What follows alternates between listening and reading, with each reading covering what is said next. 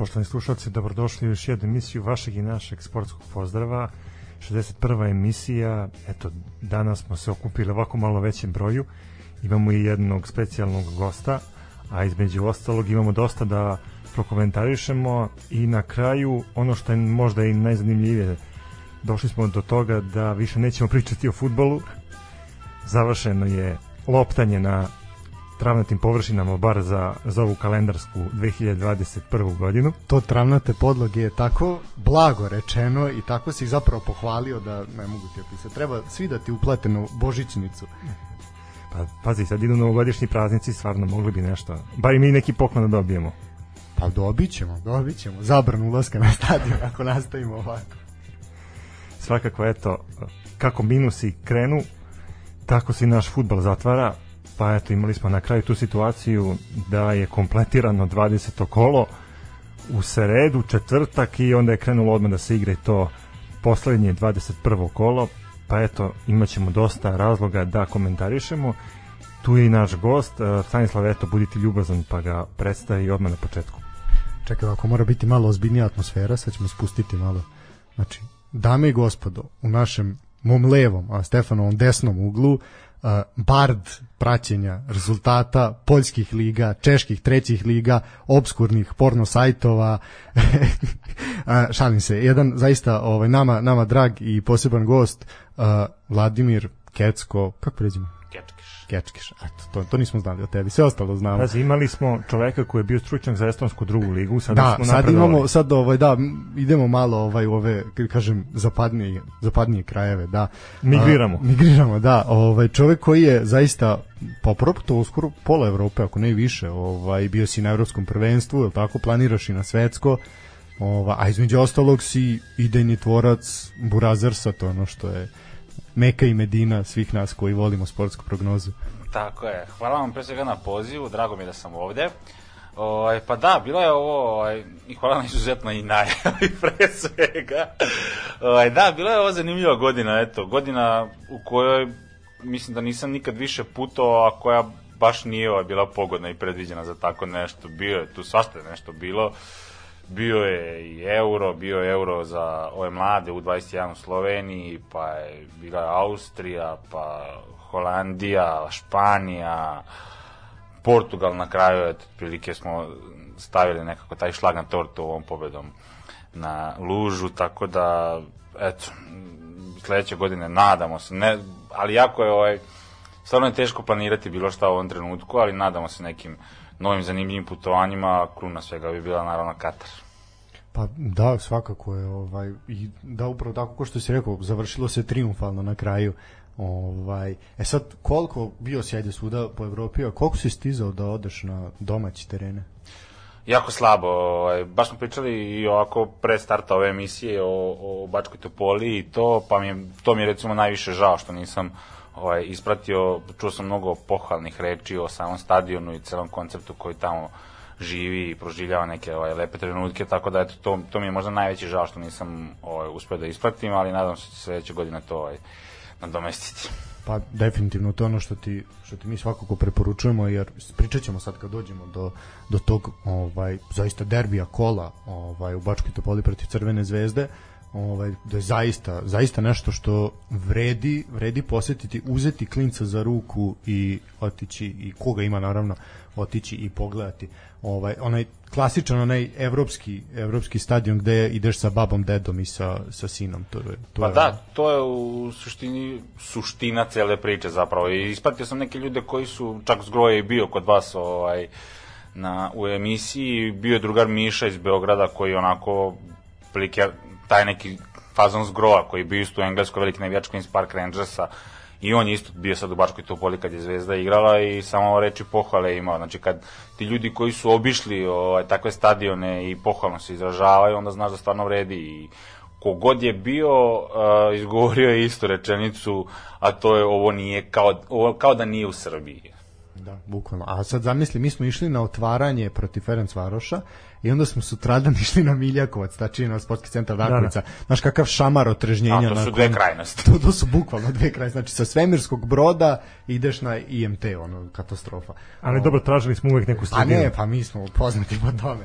Ovaj dobro, ništa Kecko, ovaj zavali se, opusti se slobodno, ovaj nas prekide pošto ovde poenta jeste da prekineš nas, što je jako teško oduzeti reč, a mi možemo polako krenuti ovaj Pa, blatnjavim mog, mogli bi da krenemo evo konačno da, da, da sumiramo sve ovo što se izdešavalo znači to nekompletno 20. kolo koje je uspelo na kraju da se završi i taj početak odnosno kraj već tog 21. kola koji je to stoji za nas pa Da. ništa ovaj, Idemo redom. idemo, redom, eto. da.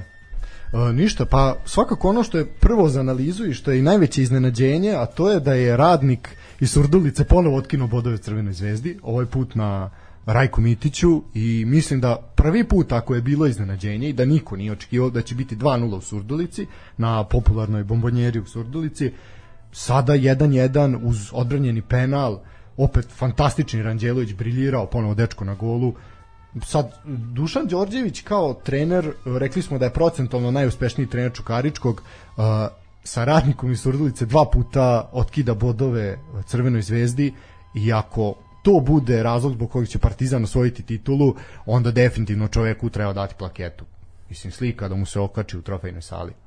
Ili mu makar dati neku poziciju. Pa dobro, ajde omladinske sad da ne idem u tu krajnost, a, Ja bih išao. mo- možda se Aleksandar Stanović ne bi složio sa tim, on veruje u svoju ekipu Pa i dobro, u kvalitet svoje ekipe, ali eto, stvarno čovek koji je uspeo da zaustavi zvezdu dva puta, Zaista, nema šta. Mislim, dva dosuđena penala na ovoj utakmici, pet kolosalnih prilika, znači, za, ne znam, šta da kažem, e, Stamenković i je... Zvezda se dobro spremašivala, Pa moram jeste, da imali su 500, što bi rekli 100% šansima, da mrzim tu floskulu 100% šansa. Ako je 100% onda bi je dao, mislim, onda nije 100% naš, ono, kretenski. E, čekaj, čekaj, stani, sad, Da. tu, tu moram da, da se ne složim sa tobom. Ajde, ajde. Eto, baš, baš na, na, na, utakmici Riširo Živković, 100% Aj, prilika. jao! Čekaj, do, čekaj, doći ćemo do Topole i do Rišarija Žikuća. O tome imam posebnu Samo, samo sam moram da ti kažem to. to holandsku školu fudbala ćemo posebno dotaknuti ovaj u našim ligama. Dobro, e, u suštini Kataj je pogodio u 36. minutu iz penala, Uroš Stamenković fantastično ovaj na centaršut Lukića. Šta da kažemo, e, Zvezda je nakon ovog meča i imala i to gostovanje u Topoli u kojem ćemo nešto kasnije. E, radnik je imao mladost i o tome ćemo ovaj nešto kasnije, to je to bilo poslednje kolo. Zaista uh, Dušan Đorđević maestralno je postavio igru dva puta protiv Crvene zvezde. Zaista, zaista, kad bi bilo više ovakvih duela i više neizvesnosti u našoj ligi, a definitivno ovo unosi nešto tako, mislim da bi ona bila popularnija. Tako, Kecko. Tako je, tako je. Pa ne, mislim, meni je ono zaparalo uši što si rekao, ako dve utakmice s radnikom budu ovaj, presudne da to partiz, za Partizan da uzme titulu, to mi dosta govori o našem prvenstvu i to znači bukvalno partija šaha, da ti ne možeš jednom da kiksneš jer ti to praktično znači da gubiš titulu, što me onako po, najviše iritira u, u celoj priči oko naše lige, znaš, da ono, da... Pa to jeste problem našeg futbala. Pa da, mislim, eto, prošle godine ili kad je to već bilo, pa prošle godine. Prošle sezone, da, da. Da, kad je Partizan imao, ne znam, koliko, 17, 17 uzastopnih Tako pobjeda je. i nije smanjio Bodovni saldo bodovni, bodovnu razliku ni za jedan bod, mislim, o čemu priča ovo. Pa tako. Pritom, ono, naš, ne bih ovo da ovo bude sad nešto navijački obojeno s moje strane, ja samo kažem kako jeste i da, ono, prosto, e, ni za Partizan, ni za Zvezdu u ovom slučaju nisam opredeljen kad pričamo o kvalitetu našeg prvenstva, prosto, to mi je ono baš, nije mi ono draž da pratim tako nešto to, u toj meri. A trebalo bi da Mi jeste. smo imali uh, razgovor ovde sa PR-om Voždovca i sa eto, ljudima iz Proletera i sa ljudima iz Topole smo pričali kada je bila ta priča na kraju prošle sezone o broju timova u našoj ligi.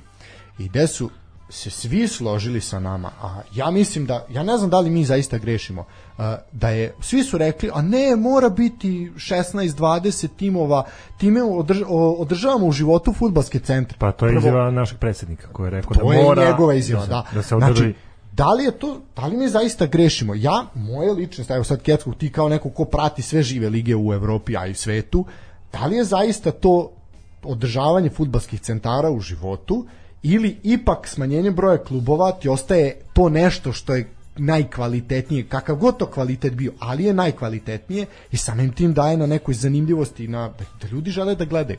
Ali se ovde čini kao da se futbal ne igra za publiku.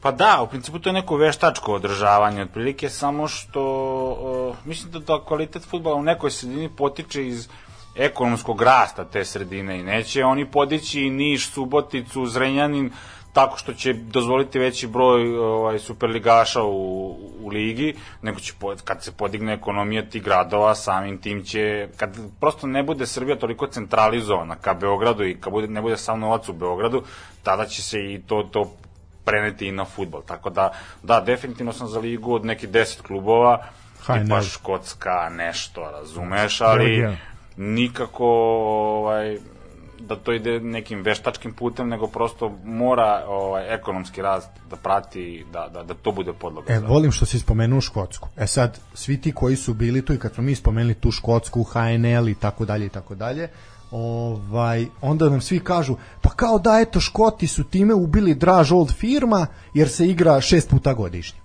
Ali to baš i nema logike. Znaš, kao ubiće se draž derbija. A draž kog derbija? Pa da, mislim, prosto generalno po meni je bolje da igraš što više puta, samim tim ćeš vidjeti ko je bolji zapravo, ne ono, jer kad igraju dva puta, onda uvijek imaš onu priču, e, to su njihovi bratski klubovi, to je zatvoreno sve do kraja i onda imaš raznih teorija, od kojih verovatno ima i tačnih na kraju krajeva, ovaj, šta se priča, tako da definitivno sam za ligu sa manje klubova. Da, i sad imamo na, najbolji primjer je, mi se uvek nekako osvrćemo, pošto smo regionalni program, ko što vidiš, ovaj, mi se osvrćemo na Komšiluk, imamo HNL koji je najbolji primjer, da sad imaš bukvalno četiri tima u borbi za titulu i gde svako svakom otkida bodove, gde sam si u objav jednoj Dinamo Istra, pratio si tu utakmicu, yes. ludilo u 98. minutu, ovaj, gde zaista znači je bilo neizvesno šta će se desiti na kraju i, i to je to iako Istra tipa sedmi tim na prve u na tabeli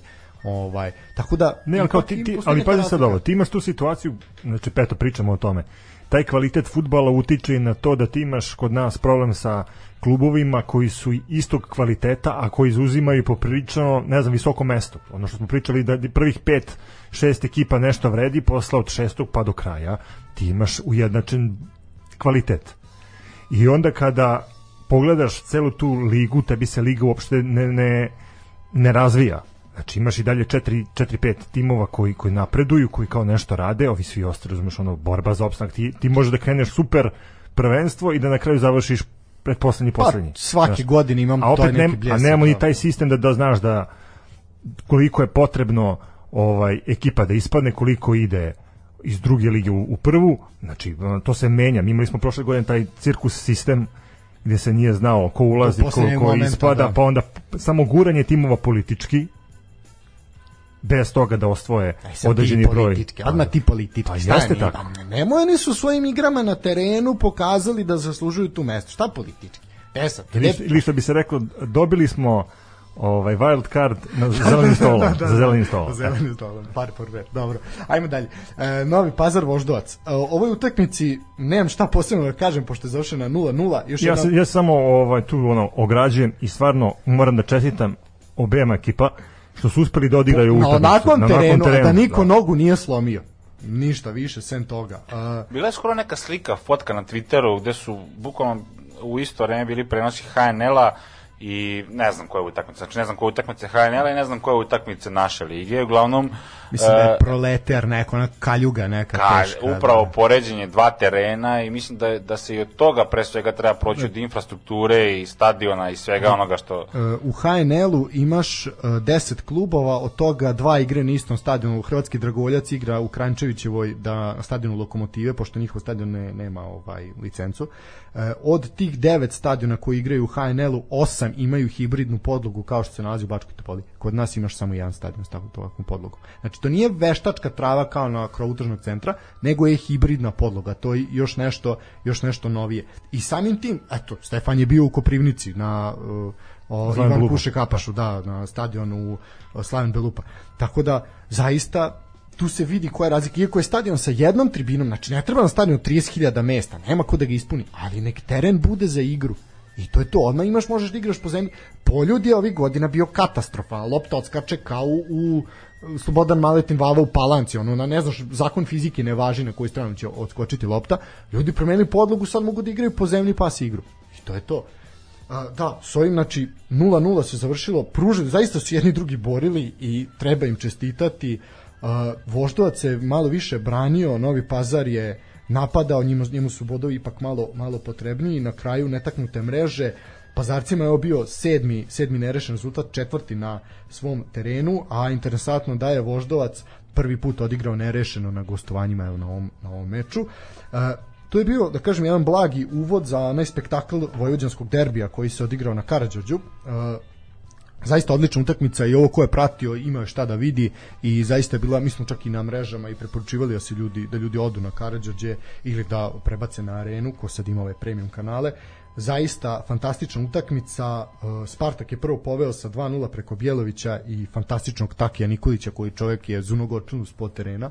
Ova, I odmah su krenule priče, a to je namesteno, ovi puštaju ove, ovi su vraćaju za ovo i tako dalje i tako dalje. Međutim, uh, Vojvodina je izjednačila na 2-2 da bi na kraju u 92. minutu ovaj Maksimović postigao autogol za 3-2 zaista ovaj spektakl potpuno zasluženo je Spartak pobedio mada ništa manje ne bi bilo zasluženo da je otišlo na na drugu stranu. Uh, ekipa Vladimira Gaćinovića još jedno potvrđuje odličnu formu. Uh, taj trio Tufekđić, uh, Taki Nikolić, Srećković tu se još neko ubaci ko je kako u kojoj formi. Zaista odlično funkcioniše i Spartak vredi gledati. Vojvodinu manje više, ali Spartak vredi gledati. Slažem se suštini Kecko, imaš neki komentar? Nemam, verovat ću vam na reč. Utakmicu sam ispratio onako letimično preko flash skora i to mi je bilo zanimljivo sa 0-2 na 2-2 i eto, toliko, nis, nisam gledao. Preporuka da vidiš gol. Video sam gol, taj gol sam video, naravno, svaka čast. Ovaj, to, to je zaista, mislim, zaista čovjek je kao na tacni posluživao sve, sve sa igrače, znači kad mu se da malo prostora, kad se izvuče od nekog koga markira, ovaj, fantastične lopte deli kao rukom, što bi rekao Kovinjalo teledirigovane. Znači zaista, zaista fantastično. Jednostavno nisu imali rešenja za njega, nisu mogli da ga zaustave. S druge strane, Čović je bio motorino Vojvodine kao i do sada i opet i Veljko Simić koji zaista onako oživljava svoju karijeru u Novosadskom superligašu. Uh, šta da kažem, Nikolić da, svakako igrač utakmice, čovjek postigao gol sa, sa pola terena, po meni jedan od najboljih najboljih napadača u našoj ligi i to su nas malo malo su nam drugari iz Voždovca zamerili kad smo glasali za za njega kao najboljeg na Twitteru bilo glasanje, ali ja stojim ispred toga, šta sad? Ovaj oni predlažu Vujnovića i koji čovjek je fantastičan no, igrač, nema šta. Po nama je ovaj bolji. Uh, dobro, nakon, tu je sad eto jedna bila goleada u Novom Sadu, idemo u Lučane gde se takođe po katastrofalnom terenu video odličan futbal. Znači, eto, i to je moguće. u prvom polu vremenu je naročito bilo dobro, u prvih pola sata jako, jako težak teren. Eto, mladost je posle tri vezane utakmice u kojima je osvojila samo jedan bod, danas tačnije tog dana ostvarila triumf i pobegla od opasne zone.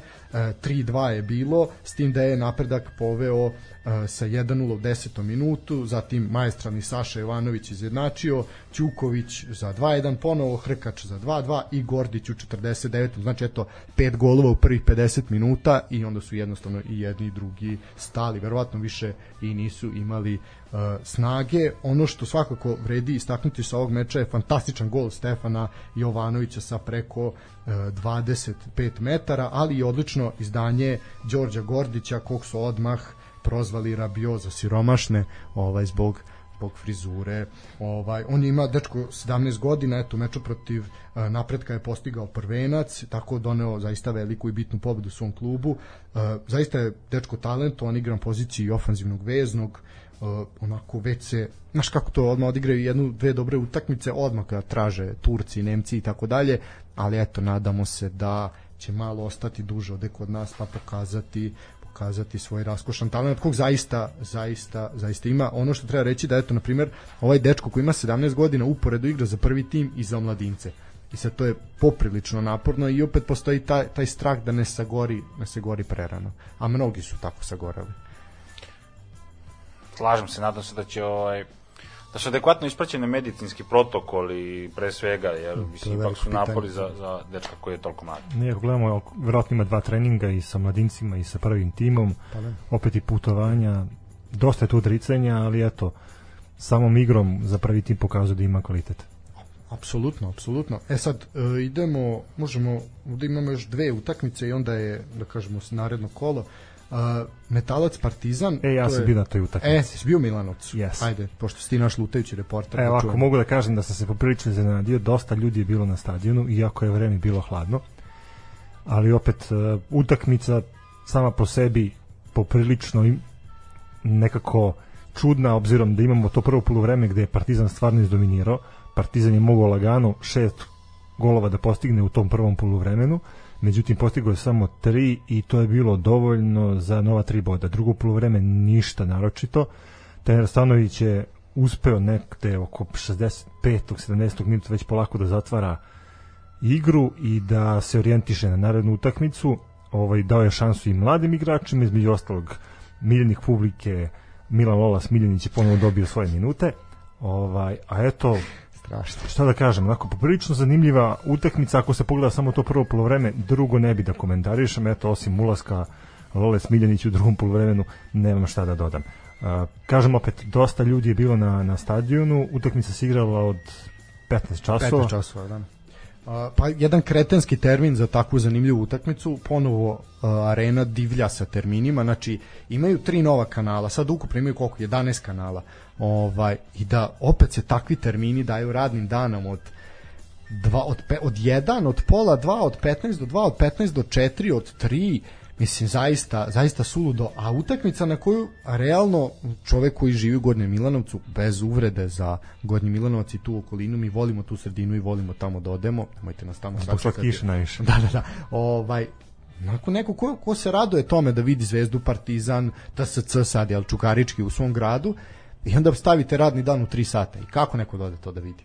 Mislim, zaista, zaista, bez- pritom Ali- stadion ima reflektor. Stadion ima reflektor, stadion je super, ali kažem ti, mene je iznenadio broj ljudi na, Pa, na koji je ipak uspeo, i da. Znači, ljudi su došli da gledaju taj futbol. Pa naravno da će Iako, doći. Pa, iako se igrao u nezgodno vreme. pa dobro, pa ljudi su iz, pa vidi, prvo, koliko puta smo ti i ja slagali na, mislim, ovo sad slušaju moji poslodavci, ali ne veze, koliko puta smo slagali na poslu da ono moramo na sahranu pa smo otišli na utakmicu.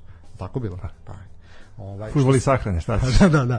Što se tiče Quincy Meniga, čovjek koji je obeležio utakmicu, Partizan jeste izašao u kombinovanom sastavu. A, Menig se pokazuje kao pravo pojačanje. Konačno izgleda našao svoju, svoju formu i svoj ritam. Posle, onako, bilo je, to smo pričali sa Sekulom, kao prvu utakmicu, prve dve utakmice je dobro otvorio i onda je upodali u malo neku krizu ili već pad forme i odmah je krenuo povici sa tribina, odmah je krenuo velik, veliki pritisak na čovjek upravo koji je došao iz druge države, koji se prvi put sa sreće sa svim ovim ovde, prvi put je vratno video sneg ovde kod nas i odmah kreće ovaj, znači nula tolerancije sa strane Partizanove publike i evo sad je konačno, konačno proradio, izborio se sa pritiskom. Uh, ja ću samo reći, čovjek je uh, odigrao 13 utakmica u Superligi, dao 5 golova, 4 asistencije imao, u Ligi konferencija 6 utakmica, 1 gol, 1 asistencija, u kupu jedna utakmica, 2 gola bez asistencije, znači što je solidna, solidna statistika, mora se, mora se reći. Da, da, da, eto, meni je dao, dao ta dva gola, prvi i treći, drugi je postigao Šćekić i ono što meni interesantno bilo vezano za, za Šćekića je to da je on u momentima tražio loptu i nije dobio od saigrača i onda kad mu je lopta došla na, Da na nogu, onda je besno da. šutnuo i postigao fantastičan E, gol. Evrogol, Evrogol, da, kola Evrogolova, zaista. Ovaj, još nešto reći, da li misliš da su golman metalca opet pogrešili? Pa sad, ne, ne bih rekao to. Uh, verovatno nisi pratio, metalac ima takvi problema sa golmanima, znači da u posljednja četiri kola golmani su direktno skrivili deseta golova. Znači, a obojica, menjao ih je jedne i druge. Znači, znaš kakve ispadanje lopte, uh, proplivavanje u petercu, znači, nešto što se profesionalnom golmanu može desiti jedan puta, ne može desiti šest puta u roku od četiri utakmice. Uzme čovjek loptu, ispadne mu, baci se da izbi, izbije čovjeku na nogu. Jezivo, jezivo. Znači, baš je Žarko Lazetić imao problema, a i Žižić sad nije ništa bolje u situaciji. Kako se metalac kotira na tabeli? Koji su oni? Prilično... Poprilično loše, vidjet ćeš, iznenadit ćeš se. Da, imali su Ali problema. stvarno imaju dobar tim. Imaju dobar tim. Imaju dobar tim, ali su se uh, prvo jako su kasno rasprodali ključne igrače iz prošle sezone. Pritom mislimo na prestiža najviše čovjek koji je vukao, vukao igru i još par, par igrača i onda ne dovedeš zamenu na vreme, Furtola je jako kasno stigao i jednostavno nisi uspeo da ukombinuješ, plus onda te sudije par puta zakinu, što je realno tako bilo, par puta ne uđe i tak primiš gol u 95. minutu i tako dalje i tako dalje i jednostavno moralo je, moralo je pući, ali je šteta jer je projekat dobar i zamisao je dobra, ali jednostavno falilo mi je malo i sportske sreće, ali i sportskog menadžmenta dobrog, mislim da je ovaj put je taj uh, kako bih rekao, znači ne sektor... Struka je Pa zakazala. struka je zakazala, da, mada su treneri odrali solidan posao ovaj put je, mislim, više do, do sportskog direktora. E, možemo Možemo dalje, da. Možemo dalje, ajmo na Čukarički pa ćemo praviti malu pauzu. E, Čukarički i Radnički iz Kragujevca Radički iz Kragujevca, ono što smo svi pričali, nemojte mladost otpisati tako lako, ima tu većih pretendenata za ispadanje iz lige, e pa to je Radnički iz Kragujevca, definitivno najveći favoriti za selitbu u prvi rang takmičenja, jako puno problema za momke iz Kragujevca, u posljednjih 11 kola Radnički uzo samo dva boda i potpuno zasluženo će imati Fenjer tokom zimske pauze u rukama. Uh, što se tiče Čukaričkog, jedna sigurna pobeda ekipe Saša Ilića, dugo je nije bilo tako sigurno. Treba reći da je Đorđe Jovanović se vratio ovaj, nakon povrede, postigao ponovo pogodak, čovjek ima gol po meču, što je fantastično. Uh, Kovač je potvrdio tu pobedu u 82. minutu. U suštini Čukarički može biti zadovoljan, verovatno izvesno će se boriti za kvalifikacije za mesto u ligi konferencije osim mladog Rogana koji je zaista bio fantastičan asistirao kod oba gola zaista treba pohvaliti i Jovanovića i Kovača e, kako ti se čini Saša Ilić kao trener sad da li se tu malo nešto ispratio Koliko sam uspio da ispratim, znam da je skupio neki niz od 7-8 utakmica bez poraza ili u, A, ima nisu pobede nego bez poraza, je li tako? Da. O, pa generalno m, kroz svoje ono, životno praćenje futbala nisam skapirao da postoji neko pravilo što se tiče odnosa kakav je neko bio igrač i kakav će biti ovaj trener.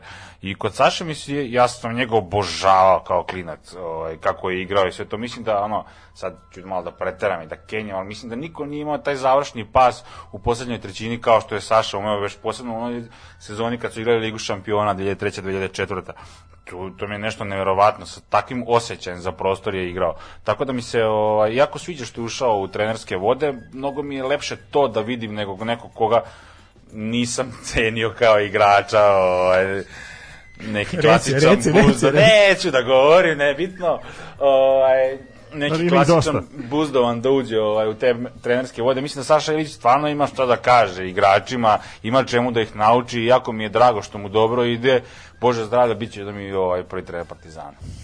Pa da, a sad kako se osjećaš kad vidiš da, eto, sam si rekao prvo, mi smo tu slične generacije, znači mi smo se divili Sašiliću kao, kao ovaj futbaleru, bez obzira za koga, za koga navite, zaista je čovjek zavređio poštovanje i jednog i drugog tabora. Pa mislim, kad je on naterao jednog Milivoja da centrira, o čemu Da. onda, kad je Milivoje Ćirković postao igrač uz njega zbog njegovih pasova. Tako je.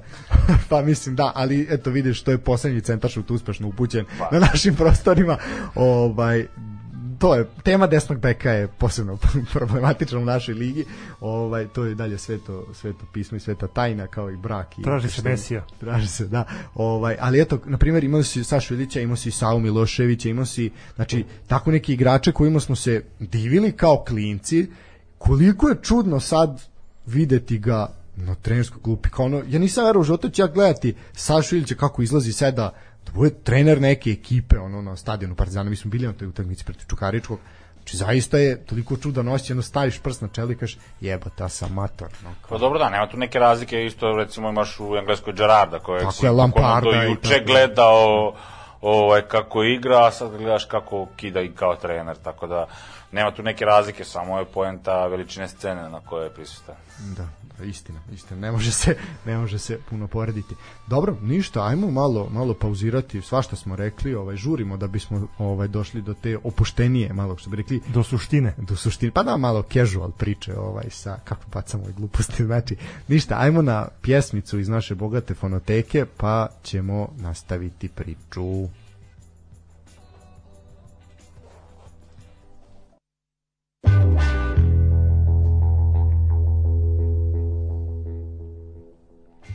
Vraćamo se u program.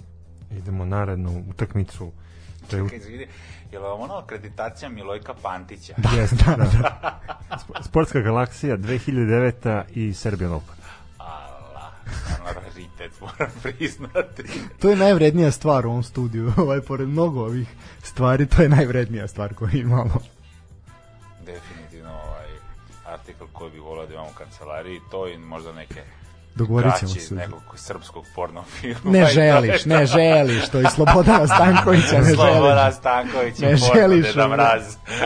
Ne želiš, veruj mi to, ovaj, ne, to ti zaista, zaista ne treba. A Ali uz ovo- nabavit ćemo, kontaktirat ćemo neku Da. porno glumicu, možda ona bude darovita. A ovaj, ovo ćemo se dogovoriti, ako daš dobru cenu, Može, sve je na prodaju. Prodaću ti Stefana za dobre pare, sve može na Sve je na prodaju. Sve je na prodaju.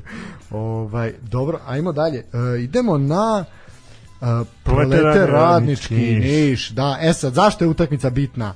Vratio se bludni sin. Nakon koliko meseci smo rekli da nije igrao? Godinu i nešto dana. Godinu i nešto dana i ne znam koliko meseci. Pa da, ako računamo i onu korona pauzu koja, Pa ga, je, svim koja ga je uhvatila nespremnog.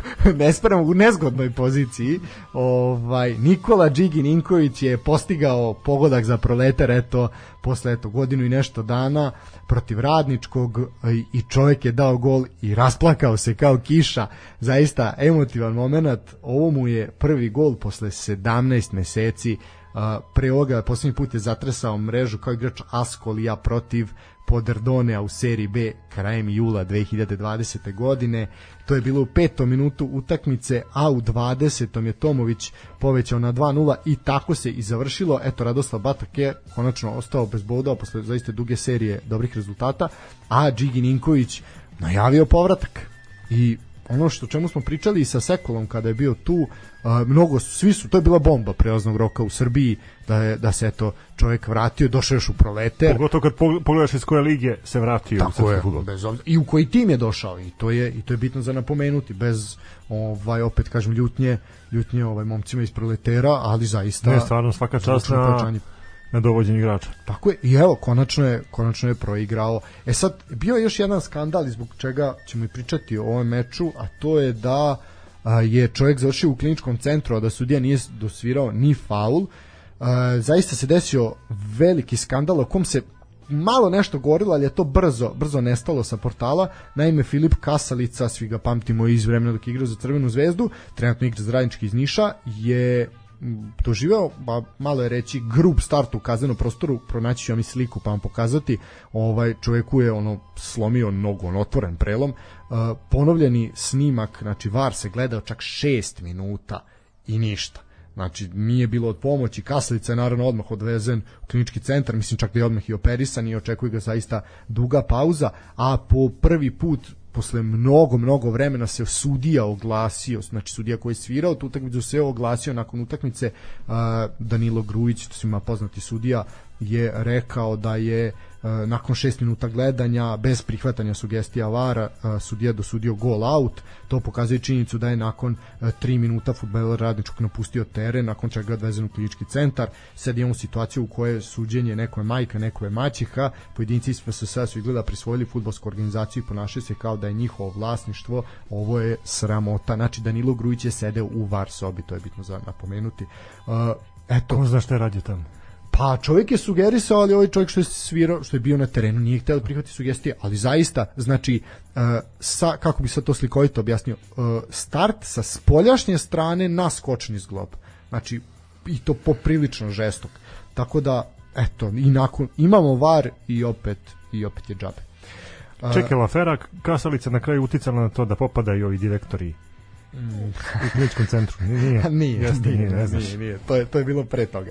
Ovaj ono što je još bitno za reći što se tiče radničkog da je legenda niškog fudbala Saša Stojanović novi direktor omladinske škole radničkog svi ga se sećamo kao jednog ozbiljnog veznog igrača nastupao između ostalog i za Crvenu zvezdu e, ono što je zbog čega su momci iz proletera tužni iako su pobedili a to je da je Evandro napustio klub zaista fantastičan igrač e, bivši mladi reprezentativac Brazila koji je pojačao proleter tromesečna pozajmica ona se završila vratio se u Fehervar, za nosaći klub odigrao 12 mečeva, postigao dva gola, ali je zaista u svakoj utakmici, na svakom kontaktu s loptom pokazivao zašto je majstor futbala i koliko zapravo odskače od naših od naših igrača. Zaista je bilo uživanje gledati ga, a eto i prava šteta što ga nećemo gledati u nastavku prvenstva. To je bilo to što se tiče proletera. Možemo ići sad na derbi, derbi svakako kola i nešto što je privuklo najveću pažnju i oni koji malo manje prate domaći futbal, a to je duel u Bačkoj Topoli između Topole i Crvene zvezde. Uh, uvod za ovaj meč je svakako godišnjica od dana kada nas je napustio Zoltan Sabu u 49. godini, 15. decembra prošle godine, zaista bio odličan trener i još bolji čovek i pamtit će se sigurno ona utakmica protiv Steaue gde je sa dva crvena kartona umalo pobedio zaista mnogo skuplji i organizovaniji tim u tom momentu, ali e, i to da je samo za dve godine uveo jedan tim u Superligu, a zatim igrao i evropske evropske kvalifikacije i lepo je što se Topola setila, što nije zaboravila Zoltana Saba i verujemo da će tako tako i nastaviti jer zaista ovakve legende se ne smeju zaboraviti. Što se tiče utakmice, da je više ovakvih utakmica, da je više ovakvih stadiona, naša liga bi bila pa u prvih 10 u, u Evropi. Što je ajde recimo prvih 10, 12 je sasvim, sasvim u redu. Uh, same pripreme za terena pred utakmicu sa onim grejanjem, sa onim mašinama koje ja ne znam čemu služe uopšte, ali kao svemirski brod da se isterali na stadion, ali i podloga koja izgleda kao da je jun mesec, znači fantastično, bez barice, bez trunke, blata, krtičnjaka, ičega, fantastično, pod konac evropski. Slažem se sve si to rekao, više puta smo komentarisali stadion u Bačkoj Topoli.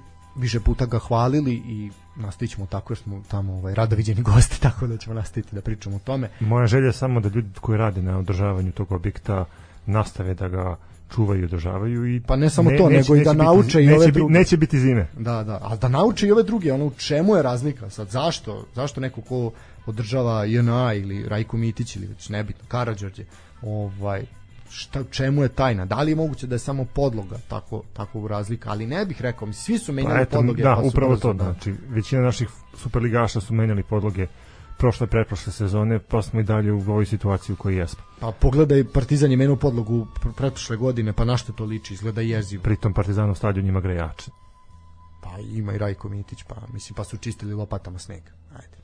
Ovaj što se tiče A skupa struja. A da, da, sad je u EPS-u su problemi, da. da. ljudi su dole bez struje, nema smisla trošiti na stadion. Pa tako je. E, ništa, što se tiče igre, e, Zvezda je dva puta jurila e, rezultat domaćina, e, dva puta su igrači TSC dolazili do prednosti, prvo je Banjac se sjajno snašao nakon greške odbrane u sedmom minutu i Mirko Ivanić je izjednačio, Stanojlović je u 18. minutu već po, po, ponovo povisio na 2-1, Pavko u 32. na 2-2 i u 55. je postao končan rezultat za 3-2. Uh, svaka čast se nisu bili kompletni, ali su pokazali da su ozbiljan klub, klub u ekspanziji i vrlo, mislim da je fantastičan pogodak dovođenje Žarka Lazetića koji je prošle godine pokazao da ima ima filozofiju i neki put kojim želi da ide kao trener kojim želi da idu klub koji on trenira, tako da mislim da se TSC sa svojim igračkim kadrom fantastično uklapa u, ta, u tu zamisao. Što se tiče Crvene zvezde, tamo očigledno nešto škripi. Uh, Borjana nije bilo, priča se da je bilo koje kako ćemo sad otvoriti tu priču o Borjanu ili pa mogli bi. Da, znači Borjana nije bilo, priča se da je nakon utakmice sa Surdulicom bilo svačega u slačionici, da su da je Dejan Stanković furiozno ušao, da je onako je pošteno izvređao svoje igrače, što mu je donekle i pravo kao trenera, jel? Ovaj ali da se tu bilo da je bilo svega da je Borjan onako bio poprilično besan i sve da se došlo do nekih čarki i da je čovjek zatražio raskid ovaj, ugovor. ugovora, da, zapravo, da li je traži raskid ugovor ili da napusti klub? Pa, pa ja sam dobio informaciju da je već potpisao ugovor sa nekim MLS klubom. Znači, ipak da. I da je to u suštini ta kočnica, zato sa Zvezda pokušava na bilo koji način da... Da vidim da se Terzić oglasio da on kaže da ima čvrst ugovor pa. do 2023. da. A vidjet ćemo, ali u suštini to prepucavanje sa, sa igračem i ono igrač koji izdaje saopštenja, zapravo ne izdaje on, nego njegova supruga i Ne, supruga se obraća na, na, na Instagramu koji svi prate gde je njoj ovaj, bukiran ovaj Messenger, tako da svaka čast, on supruga vidi se da da da je nekad radila taj posao. Da, da. Anda i Cardi. Čekaj, sam da vas pitam za ovu utakmicu, pošto nisam video da se puno provlačilo po portalima i po komentarima uopšte na internetu, a meni se činilo kao da je ovaj, očigledan faul bio za, za drugi gol Zvezde E, da, da na 16 metara i jako me nervira to što se takve stvari dešavaju u Zvezdi i Partizanu da se tendencijno sudi, jer nije Da li misliš da je se- tendencijozno suđenje ili je greška? Ja mislim da je tendencijozno, bez pogovora i pritom ne pravim razliku između Partizana i Zvezde da se dešava jednima i drugima. Da li si video tu situaciju kad se gledao VAR, da li si primetio, sve gleda utakmicu? E, dobar deo, tako Da, nisam da li si primetio moment kadar kada Arena Sport koja jako katastrofalno radi tu situaciju sa varom, to ćemo pričati.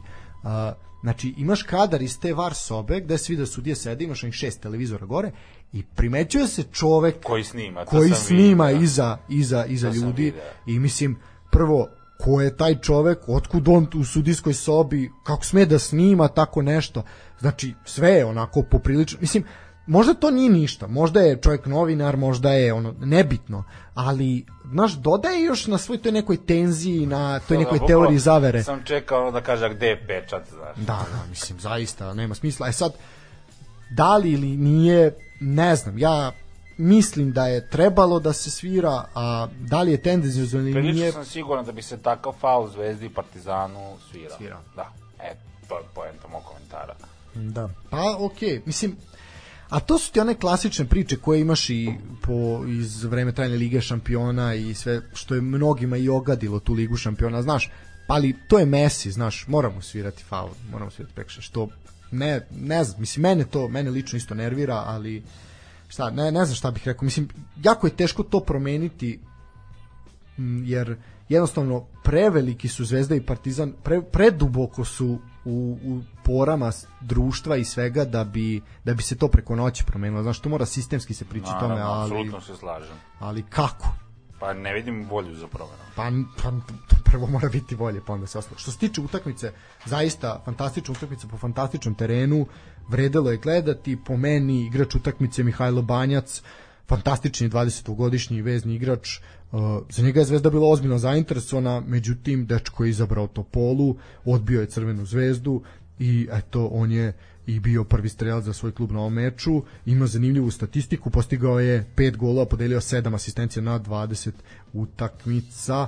E sad, uh, ono što je bitno za pomenuti, nema Đure Zeca, našeg ovaj, miljenika, čovek je u pregovorima da isto pole ode u Vijetnam, tako da eto, mi mu želimo puno sreće i bit ćemo tužni što ga u narednom periodu nećemo gledati na našim terenima, jedan od legenda. Ali vidjet ćemo prvo da li će doći do tog transfera. Pa nije još uvijek ništa zvanično, ali priča se da je potpisao pred ugovor, e sad vidjet ćemo. Mi bi svako volili da Đuru nastavimo da gledamo u Topoli. Uh, eto, to je, da kažemo, Zvezda se provukla kroz iglene uši, a Partizan je dočekao Kolubaru na solidno popunjenom stadionu, moram priznati. Jeste, Lepo bilo, vreme, bilo je lep teren. dosta ljudi na, na, na stadionu. Da, pa nije bilo toliko hladno, jel? Nije bilo hladno, ali teren bio zaleđen. Jako jezio. A grejači. Pa. A grejači. Dobro, Dobro, tad je već bila ova afera sa sa EPS-om, direktorima, A, dobro, ugljem i da, sve da. to ide. Tako da, eto, Partizan može da, da traži opravdanje za ovako stanje terena.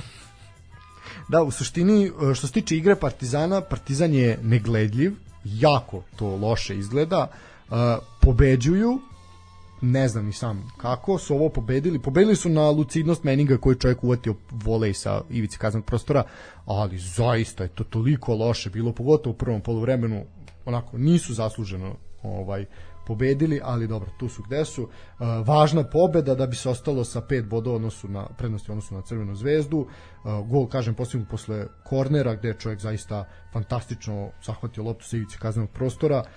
Partizan je delovao nemoćno u završnoj fazi napada, a Kolubara je delovala još nemoćnije jer je najbolji igrač Kolubare Đuranović bio odsutan, tako da Mula je... Mislim, Toza je čak se i rekao da je kvota na to da će Kolubara dati go 7,5 što je poprilično, ti kao neko ko se Pa. bavi time možeš reći da je to poprilično veliko. Slažem se apsolutno i čitao tako neki komentare u predlozima ljudi koji su se kladali tog dana da su predlagali ono tipa 7 plus na Partizan, ovo... Na to sam budala odigrala, to nema šanse da...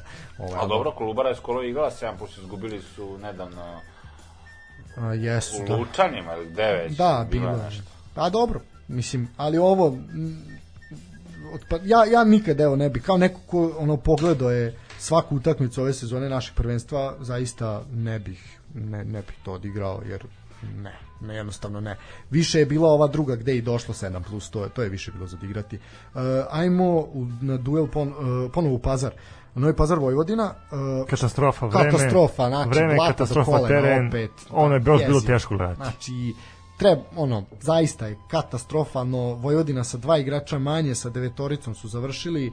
Uh, bili su oslabljeni i jedni i drugi, znači i Čečarić nije igrao i Delimeđac, Kiković, Maksimović, znači zaista, zaista mnogo igrača je nedostajalo. Uh, podela bodova, svakako mogu biti zadovoljniji gosti iz Novog Sada, pošto su igrali ovaj veći deo utakmice sa jednim igračima, a poslednjih 20 minuta i sa dva igrača manje. Prvo je Mrkajs dobio direktan crni karton u 6. minutu, a zatim Nešković sa dva žuta je morao ranije na tuširanje. E, Vojvodina povela golom fantastičnog Bastajića u 56. minutu izjednačio je Ratković. E, eto i time je Vojvodina završila ovu da kažem turbulentnu polusezonu koja je počela uh, dobrom partijom protiv Zvezde, nanizali su se tu nekoliko dobrih rezultata, pa je onda sve to palo, pa nemoć u par kola, sad su opet tu negde traže, ali to ono što smo i pripremili, na što smo i pripremili navijače Vojvodine, da će ova sezona biti takva i da jednostavno, osim pune podrške Slavljubu Đorđeviću, ovoj mladoj i limitiranoj ekipi, ništa drugo ne mogu da urade. Uh, kako tebi deluje Vojvodina? Si uspeo nešto malo ispratiš ove sezone? Zaista su onako razočarenje. Da, ispratio sam onaj duel sa Laskom. Da. E, to je bio sam početak sezone i ono, sad ne umem da procenim obzirom da je Lask igrao i sa Manchester Unitedom pre toga i očekivao sam dosta više od njih, a ipak je nije se tu Vojvodina, da kažem, ono, stara floskula, nije se obrukala u tom ovaj, dvomeču i bilo je to okej. Okay. Sad, ove domaće utakmice nisam uspeo, nisam, pravo da vam kažem, ni volje, ni želje, ni vremena da ispratim, ali eto, od tog glaska i Ključna vidim reč, želje. Pa da, ono, šta da, da, da oslašem, prosto tako je bilo. Tako da, ono, mislim, generalno, kad bi pratio sve, verovatno bi izludeo. E, eto, od tog duela s Laskom nisam uspeo da ispratim i mnogo mi žao što se nisu zadržala ona vremena od Vojvodine pre, kad su dolazili, kad, tipa kad je Mrđa igrao u Vojvodini, kad su bili ovaj stabilan klub koji je od kojeg su svi očekivali u nekom momentu da možda osvoji titulu, da razdvoji Partizan i Zvezdu, da prekine taj niz, ipak se nije desilo, srećom uzeli su kup taj neki, ovaj, i to je bilo uz mnogo muke na kraju, pa su ovaj, ipak došli do njega. Žao mi što se nije nastavilo u ovaj, tim tempom i u tom trendu, nego se to opet luta, opet su previranja po klubu sa navijačima, sa opet neka patnja i to, tako da mnogo mi žao što Novi Sad nema jednog što ne, možda, ne znam, neće ni dočekati prvaka države ponovo. Da, a sad kako... Vi, vidjet ćemo prvo koje države. Da, vidjet ćemo prvo koje države. Da, nikad se ne zna šta to može biti. Dobro, da, znači evo, Nenad Čanak je ovaj, prisutan u studiju. Strašno. Ne, ja samo kažem te neke tendencije Da, e sad kako Postoje. ti se čini priča o mladosti sa novog naselja ili sa satelita, kako da neki tvrde, ovaj Sad pazi šta ćeš da kažeš. Pa šta ćeš kažeš, da, ovaj, mladost je druga u prvoj ligi Srbije, postoje ozbiljne, ozbiljne šanse da uđe u prvu ligu. Uh, Novi Sad sa tri superligaša. Kako ti to zvuči? Pa meni to lepo zvuči, e, boje iz Novog Sada ili, mada najviše bih volao da recimo Banato živi ili tako nešto se desi da bude o, ili tipa radnički sombor ili tako nešto ali u principu pticajem nekih okolnosti čuo sam priču o mladosti ovaj, i ispričao je Zgro koji je bio kod vas ovde u gostima i znam da je prosto spletom nekih okolnosti došlo do toga da ta priča sa ovaj, ekipe sa novog naselja zaživi, jer e, ako sam ja dobro njega razumeo, mislim da jesam, e, cijela priča je nastala na, na principima, na krilima toga što rakpisti nisu imali gde da igraju. E, NS Dukes, ako se ne varam, tako se zove ragbi klub iz Novog Sada, su igrali na onom terenu gde se sada nalazi promenada, pa su kasnije prešli na kabel, međutim ni tamo se nisu mogli zadržati i odabrali su teren mladosti da igraju svoje utakmice. Mladost je tada bio peti ili šesti rang i prosto tim momcima koji su ulagali novac i koji su bili sami ragbisti se cijela priča svidela oko mladosti i vremenom su i oni zavolili futbal i prosto iz te neke ljubavi i iz tih simpatija su počeli i da sređuju teren i da ulažu novac u klub i sve i eto dokle su došli do toga da su bukvalno pred vratima Superlige. Da, s tim da, eto je grade i tribinu i tribina zaista jako Da, brzo i jedna tribina je već izgrađena, postavljene su stolice, to fino deluje. Da. Ovaj, sada, kako smo čuli iz rukovodstva kluba, postoje tendencija da se i tribina preko puta napravi, što bi eto uticalo i na eventualnu mogućnost da se uđe u Superligu, jer I da postoje na određene pravila stadionu, da. koja ova Superliga nalaže, a propisana je za, za terene i za stadion. Da, pa a zaista bi bilo previše da, mislim, sve izglednije da će mladost ući u prvu ligu. Pa ja, ja opet kažem, ako vidjet ćemo. Ovaj, eto, rad je u toj ligi, znamo svi za radovo proleće, a Javor isto ima pred, pretenzije da, da uđe. Superligi Vojvodina, e, Proleter, Mladost. Fruškogorac iz Kamenice, hold my beer. pazi, zamisli kad bi Fruškogorac, kad bi se Kamenica ujedinila, pa da se igra Superliga, Liga šampiona, kama, mama. Da, Na- do, dogodinu Inter Toto kupu. Tako da, je. Tako je. Ovaj, ne, uh, ali zaista bi bilo dobro ako i mladost uđe. Pa, utak, zašto- pa utakmica sa Kolubarom, vi isto nose zeleno, Zeleno, zeleno da, da, pa da. ti ne znaš ko su. Pa i pa Marena- padne magla. Pa im arena zabrani da nose zelene dresove zbog prenosa kao u Italiji. Ovaj, tako da, ne, ali sve u svemu dobro je da se gradi stadion jer Karadžorđe neće izdržati da ga oru tri ekipe nedeljno. Znači to ne može, jednostavno će se raspasti sve i ovako Pa je. bila je ta neka priča da će se Karađorđe izmestiti. Ne pa priča, već Kecka napraviti- 20 godina, pa nije mislim. Pa ne, ja sam ponovo čuo sad skorije vreme da će biti tamo negde na izlazu iz grada. Ne, Da, na industrijska zona. putu, Pa da. to je ta priča, ali ne znam, mislim, to je, to je jedna priča kao i sa to, rušenjem Beogradski Spensa. metro i tunel ovaj Da, Fruške mislim, gore. Ono, I rušenje Spensa, ono, to, to su neke priče koje, ono, na, ne znam kako, ne bi komentarisao. Uh, znaš kako, i to smo pričali, imali smo priču o Karadžođu. Taj stadion je tu napravljen tada jer je to bio kraj grada u tom momentu kad je stadion pravljen. Dalje nije bilo ništa, bilo močvar. I sad jednostavno grad se toliko proširio da realno i nemaš gde da ga izbaciš. Stadion Topole vidjet ćeš kad bude išao se nalazi u samom centru grada. I to je najveća mana tog stadiona što su ulice toliko uske uže su nego bilo koja na Grbavici. Znači jako je loš prigled stadionu. Za auto je nemoguće. E to je ono što je najveći problem što je taj stadion takav evropski stadion je morao biti negde na obodu da bude pristupačniji. Ovde je problem čim imaš Zvezdu, Partizan, neko ko ima više navijača, bio problem i kad je Vojvodina gostovala, koja je u tom momentu došla bez navijača, došlo je njih 20. Pa je problem jer ne može da priđeš A stadionu. jeste bili na stadionu Voždovca? Jesmo više puta. Ja ne znam kako su tu ovaj, ispoštovani ti sigurnosni protokoli, jer Pa zato igraju smanjenim kapacitetom. Uvek. pa, da. Da jedna tribina je uvek zatvorena. Pa jedna je uvek zatvorena. I šta si dobio onda? Mislim? Ja sam išao na, nisam gledao Voždovac, gledao sam kad je dolazio Manchester United ovaj, sa Brodarcem kad su igrali. Da, ligu šampiona za, za Ja sam mislio ću tu biti, tu da je krenuo neki stampedo, bilo bi ono Heysel fazon. To je bila katastrofa, ovaj, i organizacija i sve. I prosto mi nije jasno kako je takav stadion ovaj, dobio zeleno svetlo da ko je gradio taj stadion. Taj nije gradio stadion u životu, verovatno, ne znam. Ali opet kad pogledamo to poprilično dobro za sad. Sve mi je to okej kad se popneš gore i to sve, Fazon je, ali fazon treba je, doći do gore. Da, okej, okay, ima smisla. A, da, definitivno smo im ugasili šansu da sarađujemo sa fudbalskim klubom. Možda šta da radimo. da. da. A imali smo ponudu Ja da kad radimo na ogadim, stadionu. to je ogađeno. Da, a imali smo ponudu do duše, mislim ako ne ti to zabi onda napravio problem tamo pošto su imaju ugovor sa KFC-om ovaj Voždovac pošto KFC se nalazi dole u tržnom centru ovaj pa sam ponudili kao kad dođete kao mi imamo ugovor s KFC-om možete da pojedete koliko hoćete i onda je ono da, da smo poveli našeg trećeg drugara koji nažalost nije trenutno prisutan ovde mislim da bi se M ugovor raskinuo nas bi izbacili sa stadiona gotovo stajala bi nam slika na ulazu završili Pa ne, policija odmah tri godine zabrana prilaska stadionu. Pa da, da, da. Javljanje u stanicu kad igra Voždovac. ovaj, dobro, ajmo, ajmo dalje da završavamo ovo. Imamo utakmicu uh, u Kruševcu između Napretka i Spartaka. Uh, pobeda Krušelja na svom terenu posle više od tri meseca. Petar Đuričković, jedna je to isto... Meni je ta utakmica baš bila dobra. Da, da, Dosta da. prilika na obe strane.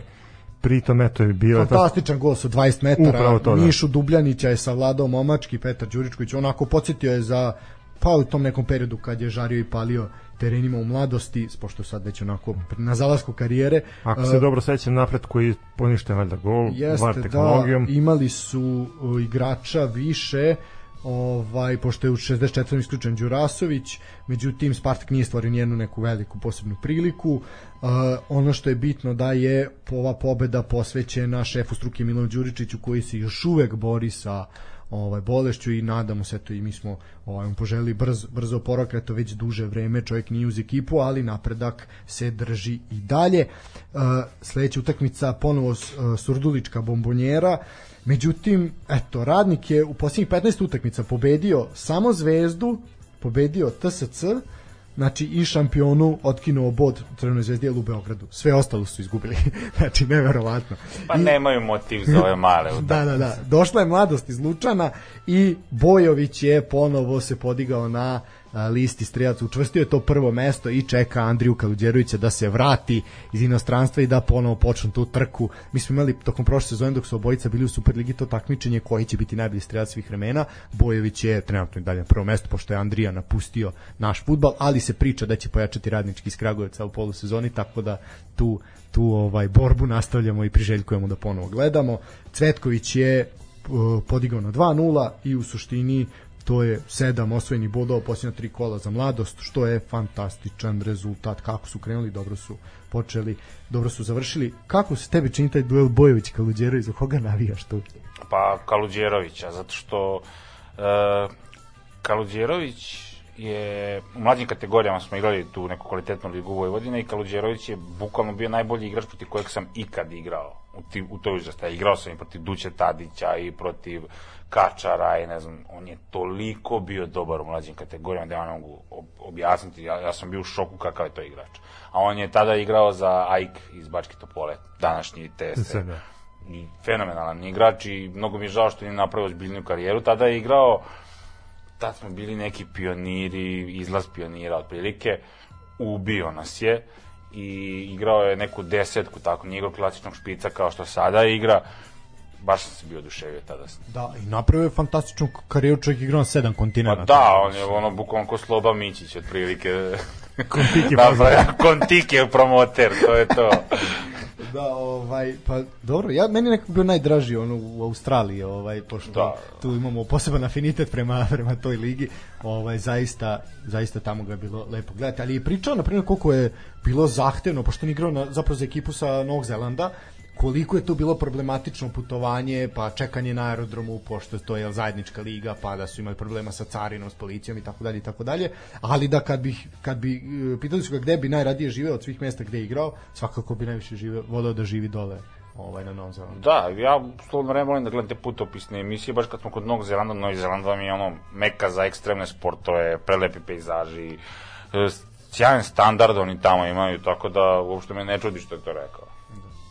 Uh, dobro, to je u suštini da, evo moram, moram ovo je uh, na primjer sad zanimljivo. Ti si ja mislim prvi, svi sve goste smo pitali kad smo pričali o domaćoj ligi za koga navije da li Kaluđerović ili Bojović. Ti si prvi koji je rekao Kaluđerović. Svi ostali ovde koji su bili su rekli Bojović. To je, ovo je sad zanimljivo da, Pa, ovaj, da. Svi kao naš Bojović, a razlog je kao igrao je u poznacima onda manjim klubovima u odnosu na Kaluđerovića. Pa eto, vidiš, ja sam ti rekao Kaluđerović, a negde, nisam neki vatreni navijač, ja sam navijač od Morena za Partizanov, ali nisam ostrašćen da ne mogu da kažem da mi je ovaj Kaluđerović dosta drago ovako. Dobro, dobro, to je lepo tebe. I evo, utakmica gde se zaista moglo očekivati puno golova E, meni, i to smo meni videli. je to utakmica kola. I onako pravi način da se završi polusezona. Uh, Voždovac Metalac 5-2, palo je 7+, plus, uh, druga najubedljivija pobeda Voždovca u sezoni, posle onog u Subotici, zaista najbolje izdanje, Voždovac završava eto na odličnom šestom mestu, pet lakih golova, pet različitih strelaca, što opet pokazuje koliko razvrstno igra Voždovac. Metalac katastrofalan, četiri poraza u nizu, ide na zimsku pauzu, ekipa trenera Žižića će imati mnogo, mnogo posla na pripremama da se dovede u red, inače će biti pretendent za ispadanje iz lige. E, što se tiče strelaca, Milović, Purtić, fantastični Vujnović koji je otkrovenje sezone, čovek koji je prošao, što smo rekli, omladinsku školu Vidja Reala, Da. omladinske kategorije, tačnije Vidja Reala, e, crnogorski reprezentativac, momak igra fantastično, eto na njega Veze. isto treba da ovaj njega isto treba treba obratiti E, a kad pažnju. smo kod ove utakmice, čudno je, eto, Metalac je poveo Da. I krenuo je sa Nije nekom... poveo, izjednačio je. Ja mislim da su poveli. Nije Milović u četvrtom dao, pa je Đurić, Đurić izjednačio jed- za 1-1-17. Sve samo znam da su posle gola krenuli mnogo zbiljne da, da, da igraju i da napadaju i onda se samo odjednom raspomsao voždovac, Zmaj je krenuo da bljuje vatru. atru i eto na kraju smo Sad došli do hvali, tih hvali pa, sad, hvali ih sad, Pa moram. moraš da, pa, Moram sam stvarno, znači odigrali su utakmicu Ne, pa fantastično. vidi, Hajdin je postigao pogodak, Grbović je smanjio 4-2, Alen Mašović koji isto legenda naših terena, znači zaista je to izgledalo. Konačno su proradili, jer mnogo su štekali ove sezone, mnogo, stalno par utakmica je bilo gde im jako, jako malo fali, a zaista su raznovrsna, raznovrsna ekipa i ovim, dragi moji, dragi moji, stavljamo tačku, slušaj ovo, stavljamo tačku na Prvi deo sezone. Fak, hvala Bogu. E, volim što si ovo rekao. Ajde sad, da li sam ja idiot? Što nije isključeno. Prvo neko ko prati domaći futbal jeste verovatno to i BH Telekom Dobro, kad smo pričali kad je Aj jesenji deo, kad te, je aj prolećni. molim te, znači mi objasni da ljudi ne mogu da shvate da novinari, ljudi koji primaju pare za to, znači jako me to nervira. Znači, da li ja grešim? Da li je jesenji deo sezone kad se odigra pola utakmica, znači to je prvi deo sezone, a ne kalendarski, jer smo mi odigrali šest kola drugog dela prvenstva u jesenjem kalendarskom delu. I svi govore da je Partizan sada uzeo jesen titul, ljudi uzeli jesen titul pre šest kola. Jel moguće da jel ja grešim ili oni greše? Ne, oni greše, pa, ali dobro.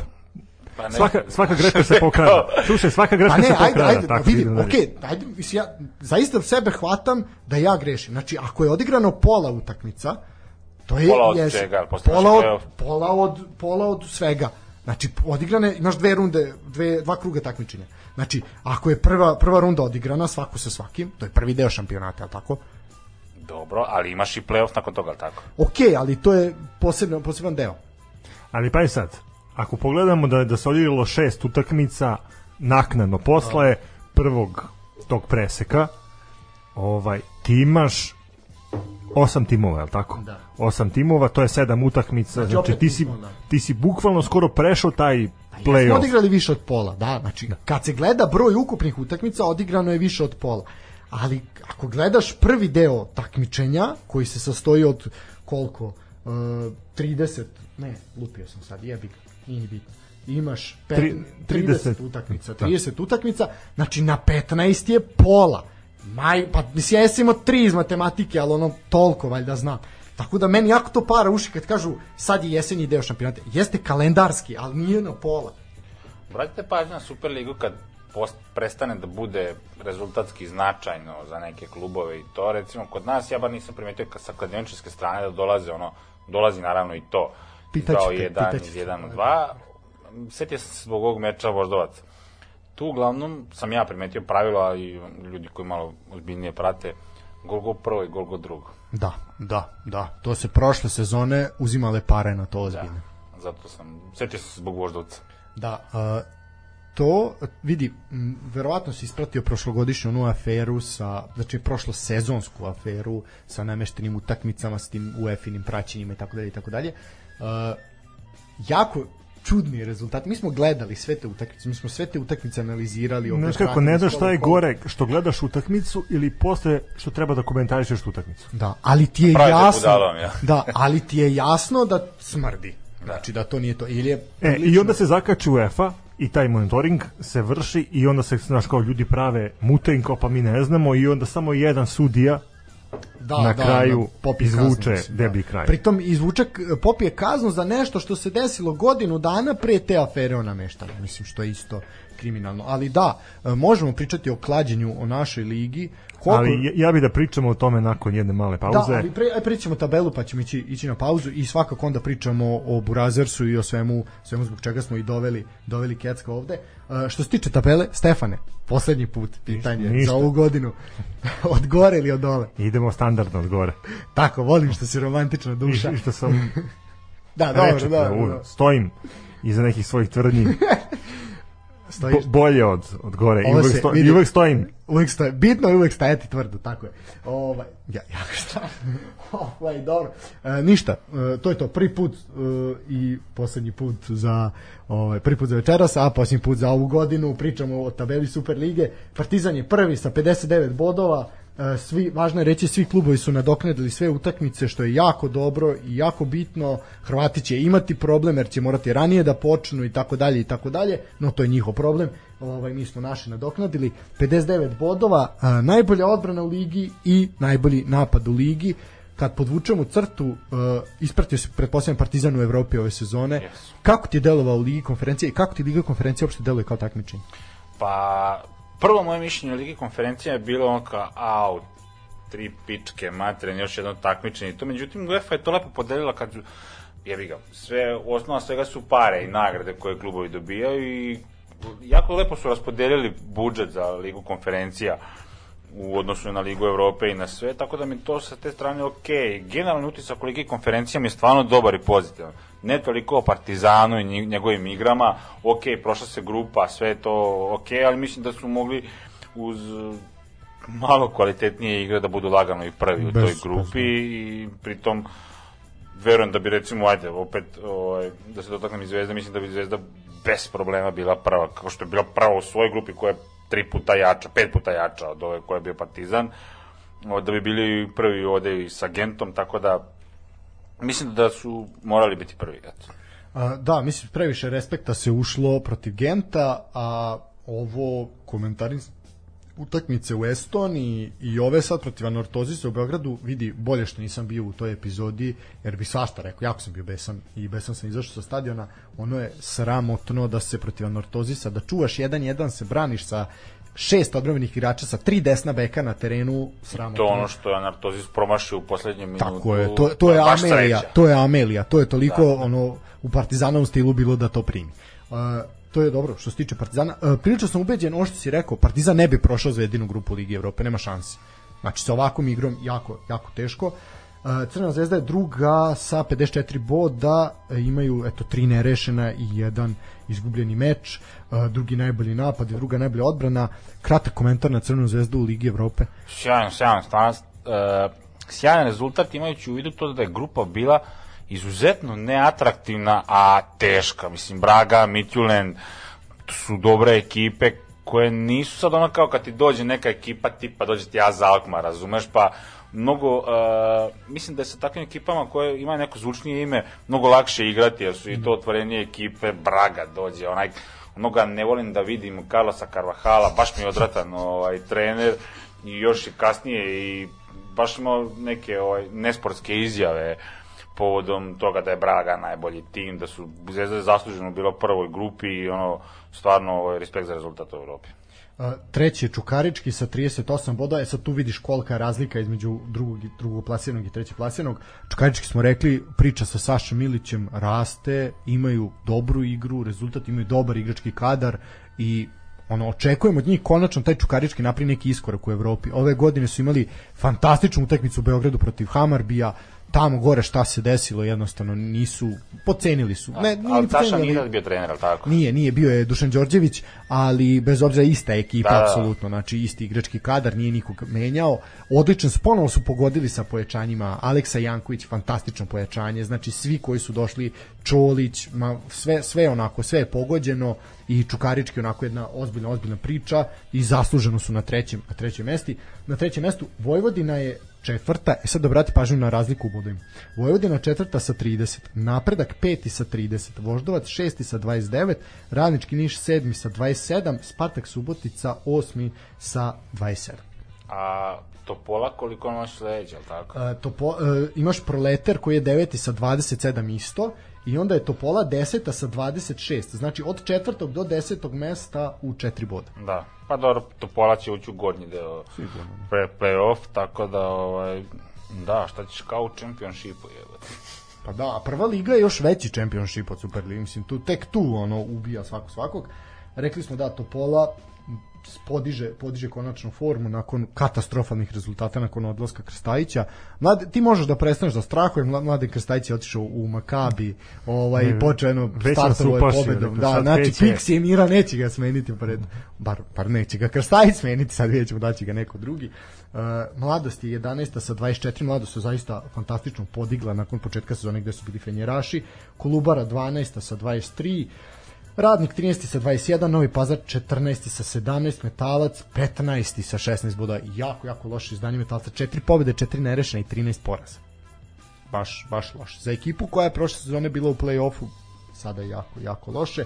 I ubedljivo najlošija ekipa prvenstva i po igri i po svemu, Radnički iz Kragujevca, koji takođe ima nakupljenih 16 bodova. Uglavnom su ih u prvom delu šampionata, prvi par kola nakupili sve, sve bodove. Kiza Milinković... Dok je bilo lepo vreme. Da, Kiza Milinković imati težak posao, ali ja mislim da zaista nema, nema šta da traže tu. Uh, 16 klubova, rekli smo 21 kolo je odigrano, suma sumarum, Stefane, kako bi ti ocenio ovu polusezonu? Pa eto, ja bih ocenio ovu sezonu jednom čestitkom, eto da uputimo Marku Gobeljiću čestitke za rođenje deteta. Nadamo se da će uprava Crvene zvezde dati roditelju ovaj trudničko bolovanje, odnosno Pa nije porodiljsko. bio, nije bio. Pa nije. Ali, ali stvarno ovo eto apelujem da se ova moja inicijativa prihvati ako S može. obzirom da je ostalo šest meseci do kraja ugovora, znači ako dobije mnogi navijači Zvezde upravo ti bi to kažem, da, da, da mnogi to. navijači Zvezde bi to potpisali, šest meseci trudničko ime kide. Eto, kod, kod nas se ne zna ali ovaj, zakon o, o porodici, o, Ima pravo ima muškarac. pravo muškarac da, da traži ovaj odsustvo. Mislim da da s ovim treba da završimo i eto to je... Apsolutno, jer ovo zaista, znači ode, ode, ovaj. Što, brate, što ti imaš protiv Kaće Grujić? Baš ono meni Ne, ne, simpatično. pa, pa, imam protiv nešto, išao sam čestito ljudima. Pa ne, mislim, zaista, ne, što... Osjeća se sarkazam u tvom zra... ovaj, glasu. Podi, spusti taj papir na kom piše ironija. Spusti taj papir na kom...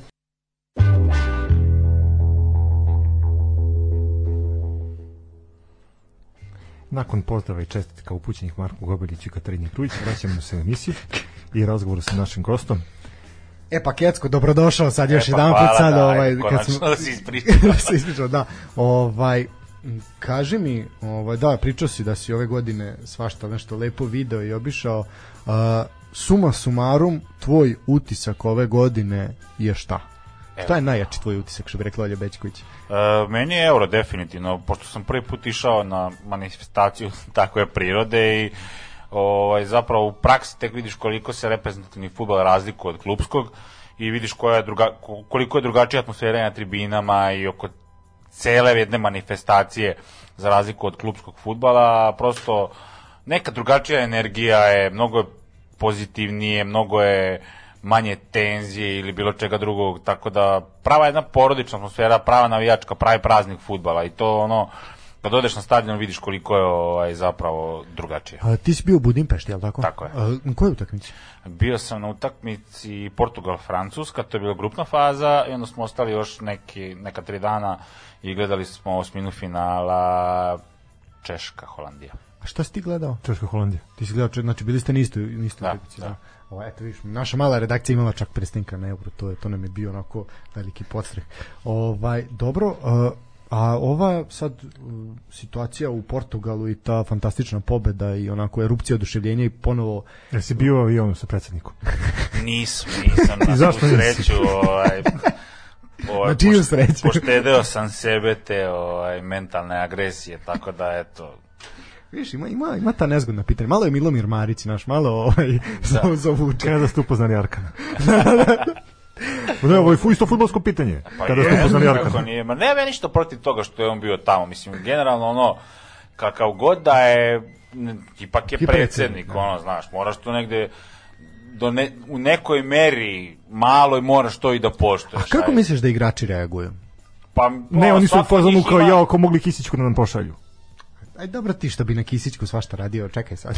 svako od njih verovatno ima svoj neki privatan stav koji ne verujem da je nešto pozitivan ili prosto ti ljudi ipak žive u inostranstvu i ne znaju kako je ovde u velikoj meri kao što ljudi znaju koji žive ovde. O, tako da, mislim, šta će i oni, generalno, šta sad neko da mu kaže, ajde ti sađi napolje, ono, znaš.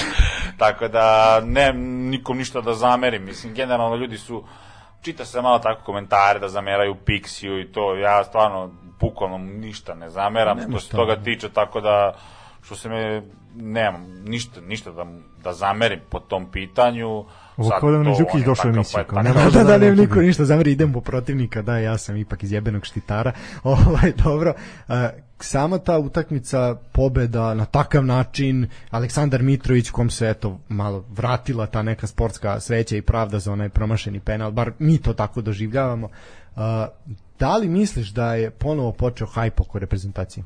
Pa kako nije, pa vidi, mi kad smo bukvalno od uh, poletanja aviona, bilo jako puno ljudi iz Srbije u avionu iz Budimpešte koji je išao ovaj, u Lisabon i ali nije bio veštački hajp ono u fazonu kao svi mislimo kao pričamo, kenjamo kako ćemo pobediti, a opet znaš kao ipak strepimo. Ne, svi su bili ubeđeni, ne znam, kao da idemo protiv Moldavije da igramo, ko što, što je problem. A bilo je godina kad ni protiv Moldavije nismo bili ubeđeni. Tako je, tako je, upravo to.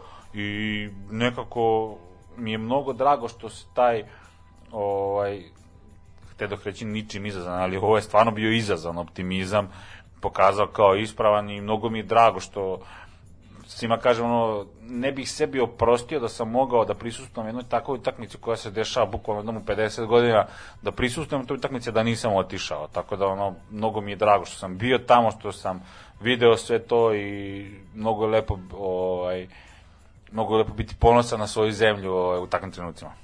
E, sad, kad si se vraćao, je bio još veći hajp, ono, ljudi u avionu pričali o tome. Da, da, To mislim, to je... odmah, ono, a mi smo osvajamo odmah- svetsko prvenstvo. Mi smo odmah preimenovali grupu ovaj, iz Lisabonu u Katar, ono Viber grupu, znaš. I baš, ono, svi su počeli da pričaju, pa evo ti na portalima su sutradan izašle, ovaj, koliko, koje su cene ovaj, u Da, Kataru, da, da, smeštaj, ovo, ono, kako će to da izgleda sve. Požurite na vreme. I ja verujem da će stvarno biti puno ljudi i sa te strane me jako zanima kako će se to da izgleda, pošto se prvi put verovatno organizuje u jednoj takvoj zemlji gde su ti svi stadion u krugu od 50 km, gde ja malo sam i skeptičan prema svemu tome, ali ajde s druge strane razmišljam oni imaju toliko para da ako im treba 300.000 policajaca, oni će to platiti.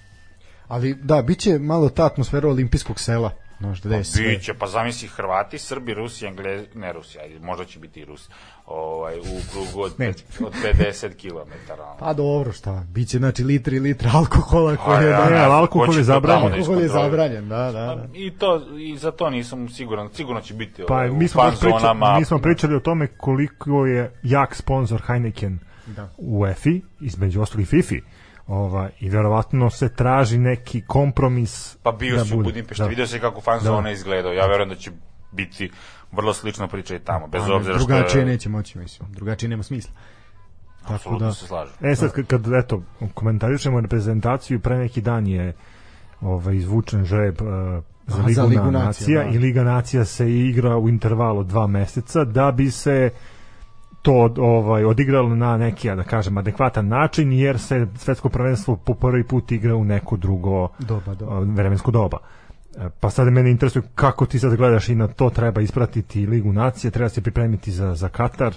Pa mene više zanima ovaj kalendar klubskih utakmica. Jer, na primjer, Englezi ti igraju do 7 dana pred svetsko prvenstvo. Znaš, mnogo mi je to, jer je tu ipak i mnogo veći intenzitet i mnogo veći napor za, za igrača nego ta Liga nacija. Ok, bit će tu koliko, dva, tri kola možda Lige nacija, ni toliko. Pa da, ali zanimljivu grupu smo dobili Jugoskandik grupa, što bi Pa da, rekli. idemo na, ovaj. na Sloveniju. Da, Slovenija, Švedska i Norveška, što je poprilično nezgodno, ali... Tako, kao neki pordić. ali Pa jeste. Pa jeste, da, ali mislim da strašno. Ali mislim da a sad povučeš me za jezik da nešto kažem, da, ali gej pornić pošto ima Slovenca. Ovaj, ali mislim da je ovo će nas izbaciti iz svega. Da, nećemo se nikad prodati. Ako sluša Radio 021, večeras smo završili karijeru. E, ne, e, mislim samo da koliko će se naši posvetiti toj Ligi nacija ili će to Pix iskoristiti kao neku pripremu Pa za to dobro, to je. generalno ja prvi, možda i ja grešim, ne doživljavam tu Ligu nacija kao nešto što ti ono Ozbiljno, reper da. za sve, ok, to i jeste neki dobar plan B da se ode, zapravo i ne znam da li o, ovo izdanje Lige nacija, šta ono donosi, pa smo na euro, ali tako? Da, da. Da, da.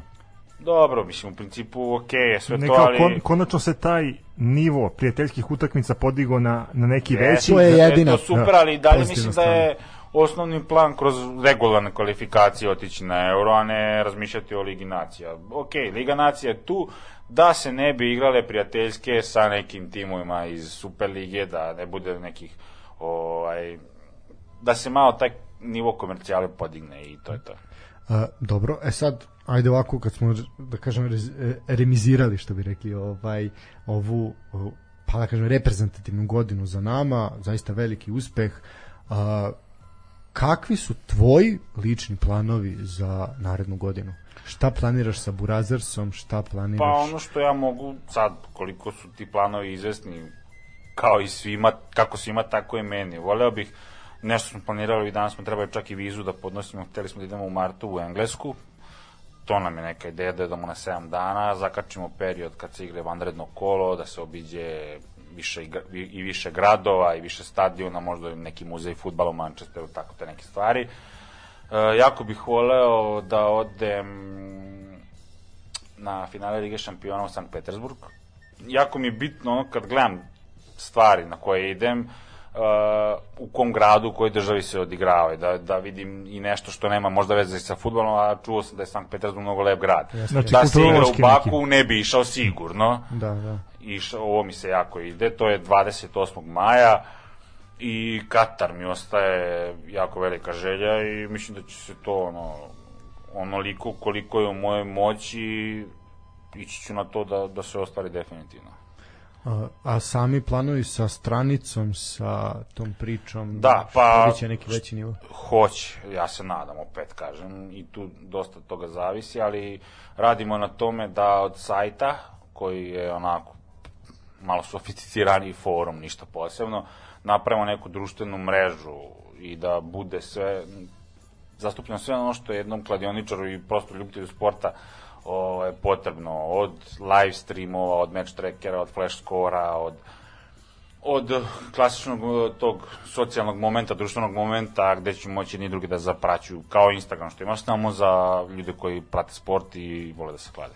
Ne mora ni da se klade, ne prate sport. Da, ovaj, da, mislim ja moram priznati da sam član Burazersa foruma, jel, stranice već dosta dugo, Ovaj, sam sam nešto predlagao, nis, međutim nisam imao puno ovaj uspeha u kladioničarskom tom svetu. Da, da. A to, to se odrazilo na emisiju. Ja sam danas da, da. predložio uh, ne znam koliko utakmica na golove, tipa od tri, dve su bile 0-0, treća je odložena. to je da, to. bukvalno, em što nisam pogodio golove, em što nisam pogodio kad se utakmica igra. Da, ovaj, tako da mogu reći da je to zaista jedna onako uh, korisna stvar za ljude koji se bave sportskim klađenjem ovaj, i ne samo nego uopšte tim nekim igrama na sreću, kazinom i tako dalje, jer mogu da čuju dosta korisnih stvari. Znači, pored onoga, ako izume ono, moj stric igra za sedmoligaša iz Nemačke, pa je čuvać biti prelaz, nego, ovaj, nego zapravo ima tu dosta dobrih saveta i sam sam ih čuo, naš kao, da ovo obratite pažnju kad ovo ovo i može ovako, ovo ide na ovaj način, ovo znači ovo, što ipak je neka edukacija, što je pa jako jest. bitno. Dosta naš narod nema pojma. Pa nema pojma, a voli. A da, da, da. A to voli je jako, ovaj, baš ovaj, onako jedna ubitačna kombinacija. Eto, ja sam se potrudio malo da, da im približim sve to, jer e, konkretno evo sad, baš poslednji primer su ovih dana koji se dešavaju Francuska, ajde, navijači ulaze, utakmice se da. prekidaju. Ljudi se klade ovde po, po 10 i više godina, ne znaju kako im se obrađuje meč nakon što se prekine na poluvremenu ili tako nešto. Mislim, to su neke osnovne stvari koje ono, svaki kladioničar koji drži do sebe treba da zna. Ej, tu smo zaostali. Pa jesmo, da, ovaj, mislim da, naš narod to, naš ono, uđe, to je najbolje obrađeno u klipu Dnevnjaka kad Steva Đubre uđe na 60.000 na Manchester. E, to je to, razumeš, ne, da. nemam pojma, zna, a hoćemo da udaramo jako, ali tu zaista ovaj pohvale sa moje strane, jer zaista Uh, i stranice ima taj edukativni karakter i pre svega da se ljudi klade odgovorno, tako ne preko svojih mogućnosti. Tako je, tako je, apsolutno. Ja se prvi nekad ne preko svojih, nikad, ono, u životu sam, kad sam bio, sad nisam nešto pametan, a kad sam bio još gluplji od ovoga što sam sad, nikad se nisam kladio sa parama koje nemam ili sa, sa ne da Bože da pozajemljujem ili tako nešto, tako da ono, i dalje to se u domenu sporta, pa sad naravno, ako zarađuješ 100 evra, 1000 evra, 10.000 evra, treba da to prilagodiš svojim prihodima, ono, u principu, tako da u, uvek se zalažem i podržavam to. I ne podržavam maloletničko klađenje, definitivno. naravno, Iako to- sam smo, to da, radio, to jebi ga, sad, sad da se ja pravim neki lažni moralista, ali ne mogu da kažem da je to ono, i na kraju krajeva ako već igraš ono maloletan si, ja sam bar to radio sa Ćaletom, ono, znaš, zajedno smo pogledali futbal, ono, mislim, 16 godina, nisi više ni, ni dete, a o, daleko od toga da si nešto zreo i pametan, ali opet kad je tu neko stariji od tebe i kad vidiš šta igraš i koliko stavljaš, onda je to donekle sportska priča. Da. E sad, ajde, pošto smo mi bavimo domaćim sportom, ovaj, domaćim futbalom najviše, a pošto ja znam da se ti baziraš najviše na futbalu, ovaj sport je manje više i ne pratiš toliko, koliko zapravo se kladiš na domaći futbol? Izuzetno malo, skoro nikad. Eto, rekao sam vam za to, ovaj, kad dođu ta poslednja kola, kad Da. bude ja tebi, ti meni, eto, odigram tako čisto, ali jako mi je teško i zamorno i to i mnogo toga se svodi na saopštenja, na sve ono što, što nema veze sa terenom i to je ono što me izluđuje i što me udaljava od domaćeg sporta. Da. Ovaj pa to je negde i naša neka zamisao i priča i to pokušavamo i da približimo narodu da ono da i tu utakmicu ono Novi Pazar Vojvodina da ima neka vredi nekad pogledati jer ima nešto dobro, ali nažalost svi se trude da ono da ti ogade od ulaska od kupovine karata ulaska na stadion pa onda i svega Mislim kao ne da. šta je gore, da li da gledaš utakmicu preko televizije ili uživo, jer imaš iste poteškoće i uživo i preko televizije. Preko televizije imaš jedan program, pa se onda menja na drugi, Ma da. pa se onda uvode neki novi kanali, ovamo imaš ono problem pri ulasku na stadion, pa onda koji sektor, pa sve, sva dešavanja koje se dešavaju i na tribinama i na terenu, to mora da se isprati, to mora da se odrazi i na jednog prosječnog gledalca. Tako da, eto, Da, sad, da, voleo bih da, žao mi što nisi bio u Topoli, ali voleo bih da si bio i da si onda mogu da uporediš ulazak na stadion kako izgleda na evropskom prvenstvu, kako izgleda u domaćoj ligi. Da vidiš Pa tu. bio sam recimo na Partizanom stadionu skoro, posle dugo vremena jako. Gledao sam na Partizan Santa Clara. Aha, dobro, I da, to je bilo se sve. ovaj, razočarao koliko je stadion zapušten, koliko je ovaj, Samo krenio od toaleta. sam pa A šta? do nisam došao do toaleta? toaleta. Veruj Bukvalno mi da tamo gde se kupuje piće, mislim, generalno u Evropi, bio si na Puškaš areni, sve se karticom plaća, sve ono, do, do, do tančina ovaj, organizovano i to ovde ne možeš da kupiš piće jer je gužva ogromna, samo keš ti primaju, ne, ne, nisam da ja sad nešto kao da nisam keš pri sebi, nego prosto ono kao u fazonu da ti vratim kusu, daješ i hiljadu, ili ne, na, na, najgluplji mogući primjer je ono, nema svetla u tim hodnicima gde se ide da se kupi piće, jako, jako ovaj, sam se razočarao, a nisam bio Pritom dugo. je cena, cena ulaznice za, za Santa Clara bila neverovatno skupa. 2500 Pa dinara je za mi- istok mi smo komentarisali Mi smo to komentarisali. opet ulaznice za ligu konferencije koje je Partizan izbacio. Mislim, ista cena karte je bila protiv Manchestera i protiv Santa Clara, Nortozisa i Flora Stalina, tako da... A, skočila inflacija. Pa i Zvezda je podigla karte za ligu šampiona, to je još možda i veći skandal bio, ako Da, se ne varam. da, Znam da su navijači bili baš ogorčeni. Da, ali je, bez- zve, ali je Zvezda jednim momentom i nagradila ljude koji Crvenu zvezdu prate, To je, sezonske. to je, ali vidi, uradio je to i Partizan, mi smo Dobro, ali napljuvali, sla, slažem se to, ali kažem ako to je ono što mi pričamo i što apelujemo stalno iz ove sezone u sezonu, iz emisiju u emisiju, da ljudi steknu kulturu odlaska na stadion. Kultura odlaska na stadion se izgubila kod nas, a samim tim i ljudi nemaju tu tendenciju da kupuju sezonske karte. to Dakle, ti sezonsku kartu isplatiš posle 5-6 kola. posle pet utakmica sa sve kvalifikacijama si isplatio. Pa da, mislim, generalno, sad sam bio u Holandiji, gledao smo Ajax, ovaj, i sećam se prvi put kad sam bio u Amsterdamu, da prvi put kad sam bio, pre- to je bilo pre 10 godina otprilike, išli smo tur, turu obilaska stadiona i rekao nam je vodič da je karte za Ajax, ako dođete kao turista i to praktično nemoguće naći, jer su 90% karata sezonske karte i oni potenciraju na tome. Sad smo išli pa smo nekim našim burazijskim kanalima došli do Duće Tadića koji nam je ostavio karte za Bešiktaš i sve, ali pored mene su sedeli Ćale i dva klinca kojima je to isto bio spektakl, jer oni nemaju toliko priliku često da dođu, baš zbog tih, ovaj, zbog tog velikog broja sezonskih karata i nemaju priliku da dođu do karata za utakmice ako žele, pošto nisu iz Amsterdama, put im je da dolaze svaki put ovaj, na utakmicu, tako da, ovaj, eto, oni imaju tu neku kulturu. U Beču, kad smo išli gledamo Rapid, isto je klinac, dva klinca su, Čale i klinac, čini mi se, da, ali Čale navija za, za Rapid, ne, klinac navija za Rapid, a Čale navija za trećeligaša nekog i ovaj ga dovozi svaki vikend da gleda. Ovaj. I to ono, bukvalno su na 50 metara ultras i, i ljudi porodice. Ovaj, I bez Stariji, tako je, tako je. Ali recimo, eto, na Feynordom, gde mi je najveć, najbolja atmosfera na kojoj sam bio ikad, ceo stadion navija, ne samo ovi delovi koji su namenjeni za ove malo ozbiljne navijače, ceo stadion navija, ceo stadion se trese bukvalno koliko skaču, mislim da će ovaj, da ćemo ono biti neki hejs ili neka tragedija, nešto, ali prosto to tamo normalno. I tamo kad kupujete kartu, milion neki peripetija oko registracije, moraš ovo, moraš ono, nebitno, sve smo to odradili, ali ne možeš da kupiš uh, kartu na kojem uh, delu tribina ti hoćeš, nego su posebno podeljeni. Tu su ti ultrasi, tu su ti ovaj, stariji, tu su porodice sa decom, tu su ovi, tu su oni, znaš, oni, tu, oni to sve vide u tvom ovaj, registracionom obrazcu.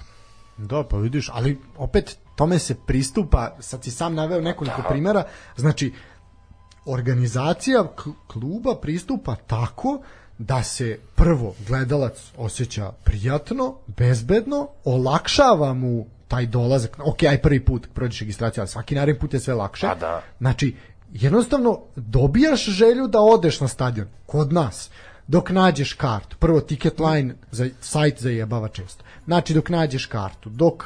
Uh, Nađeš parking. dok nađeš parking, pa si kupio kartu, čekao si u redu, pa onda isto je tu peripetija, dok ti uzmu podatke, dok vrati kusur, nema vrati kusur, ne može karticom i tako dalje. Onda, čekaš prvo na evropskoj utakmici protiv Anortozisa, odlučujuća evropska utakmica za prolaz dalje, ti ne otključaš kapije sat vremena pre početka utakmice. To je sramota. Znači, to je organizaciona sramota. Da se ljudi puštaju 40 minuta pre početka, to nema nigde u Evropi i svetu. Pri, pritom na evropskoj utakmici, znači nije to radnik, aj sad ću uvrediti radnik iz Surdulica, ali nije ti došao nekog gde imaš 800 ljudi na tribinama, nego ti je došla ozbiljna ekipa, ozbiljna ekipa po znacima navoda, ali evropska utakmica. Pritom, toaleti, vidjet ćeš kad budeš išao, se obrati pažnju na toalete, uh, kupovina pića, nebezbednost, uh, apsolutno ono sve, zakrčeni prolazi večito. Pa onda kad pog- pogledaš u slučaju da krene kiša, sneg, A, to je posebno. krov je otvoren, odnosno nema krova, osim u, u VIP ložama, znaš kao to su neki uslovi da, koje tebe odvraćaju od stadiona, znaš kao ako ti svaki put mo- moraš da poneseš kišobran, a ne daju ti da A uneseš ne daju ti kišobran. da uneseš kišobran, da, što je fascinantno, mislim, paradoks. Tako da, u suštini, eto, to je to je neka, neka priča što se toga što se toga tiče. Vidim, pa ja ću provjeriti da li imamo E, neke ja im, pitanja. imam čak tri pitanja, Ajde, posluješ slušalac, pa ću ja to sad biti Ajde. ljubazan da te ti postavim.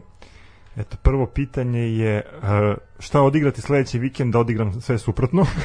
Pa to je klasika, da. Danas je baš bio katastrofa, možda nisam trebao tipovati baš danas kad sam se ovde, sam sam se namestio, znaš. E sad ide, Dobro, nećemo te puno. ovo je bila konstatacija, sad ide, uh, ide pitanje, da li dalje misliš da je Arteta naslednik uh, Pepe Guardiola? Aj, ja. Pa, mm, ni, nisam to baš tako rekao. Rekao sam da mi Arteta, pošto su u datom momentu bili otprilike u neko isto vreme, malo kasnije došao Arteta, čini mi se, su došli Arteta u Arsenal i Ole Gunnar u United. I ja sam rekao da mi, iako su oba bili onako poprilično oscilirajući, imali su svoje periode sa dobrim i sa lošim igrama, do duše, ajde rekao bih više rezultatima nego igrama. I ja sam rekao da mi Arteta ima mnogo, mnogo više potencijala kao menadžer nego Ole Gunnar Solskjaer i dalje stojim pri tom, ovaj, pri toj tvrdnji. Pa dobro, ja kao navijač Arsenala ću reći da ono, kogod je bilo stravično u jednom momentu situacija, da se to onako stalo je to na neki stabilne noge. Pa jeste, da, ono, okej, nije to i dalje ni blizu onako kako treba da izgleda kad je Arsenal u pitanju i klub te veličine, ali opet ako poredimo, nadovezat ću se na to pitanje, ovaj, ako poredimo Ole Gunara koji ono čovek je zalutao u ozbiljan, ozbiljan menadžment, nema, nije mi uporedivo uopšte. E sad, pošto je Full Fantasy jedna od omiljenijih igara kod nas, ove, sledeće pitanje je baš vezano za, za ovu tematiku. Sad, da li ste ti i Duća zajedno skupili više bodova od Straleta na fantaziju? Pa to je pitanje.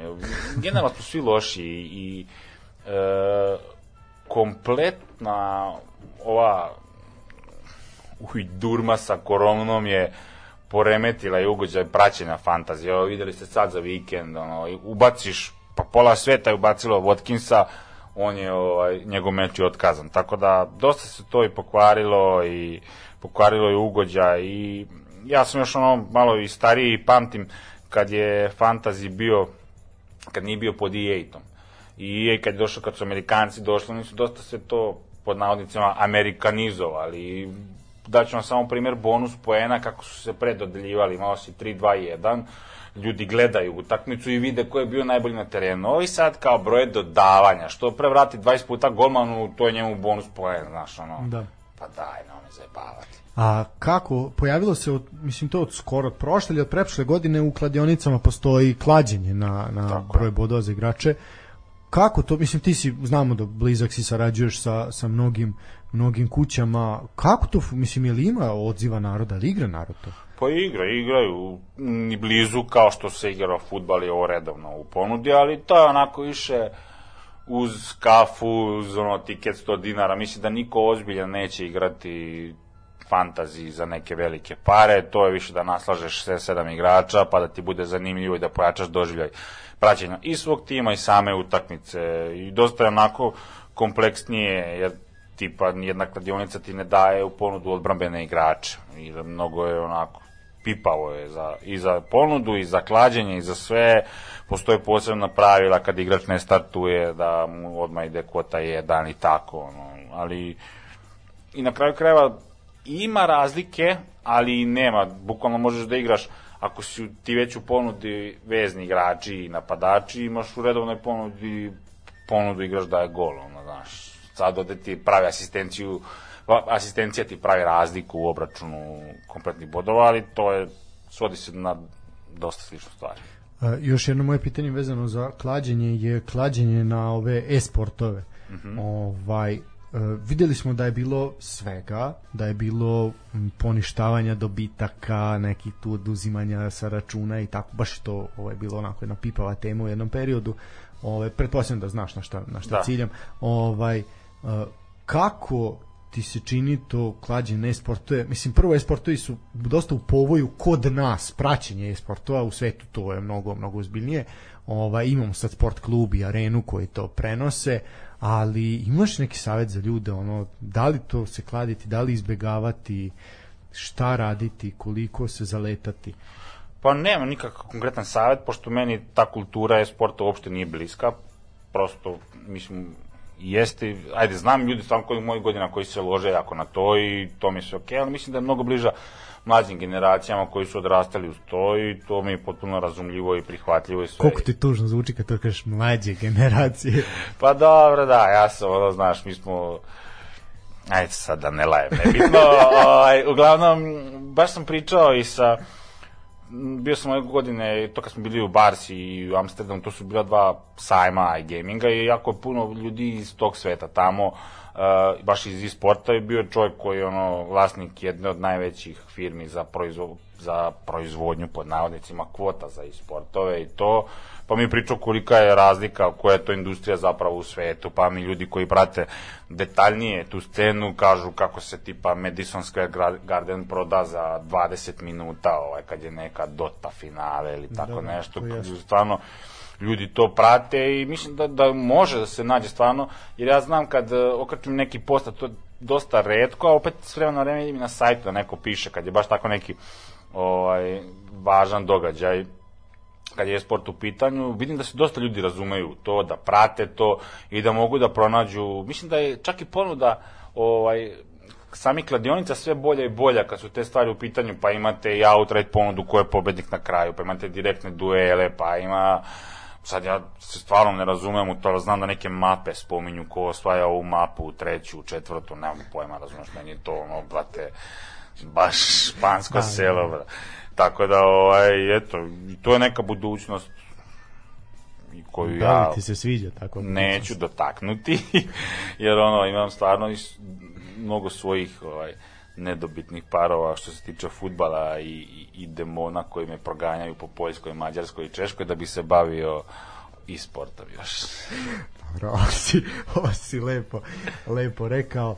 Ovaj, pa dobro, uh, kaži mi priča sa uh, Max Betom i taj Max Bet bus, ovaj, malo si zastao sa, sa tim. Da, zastali smo se tim zato što je prosto mi smo to krenuli jako, jako nezgodno vreme. Mi smo to krenuli u pred koronu.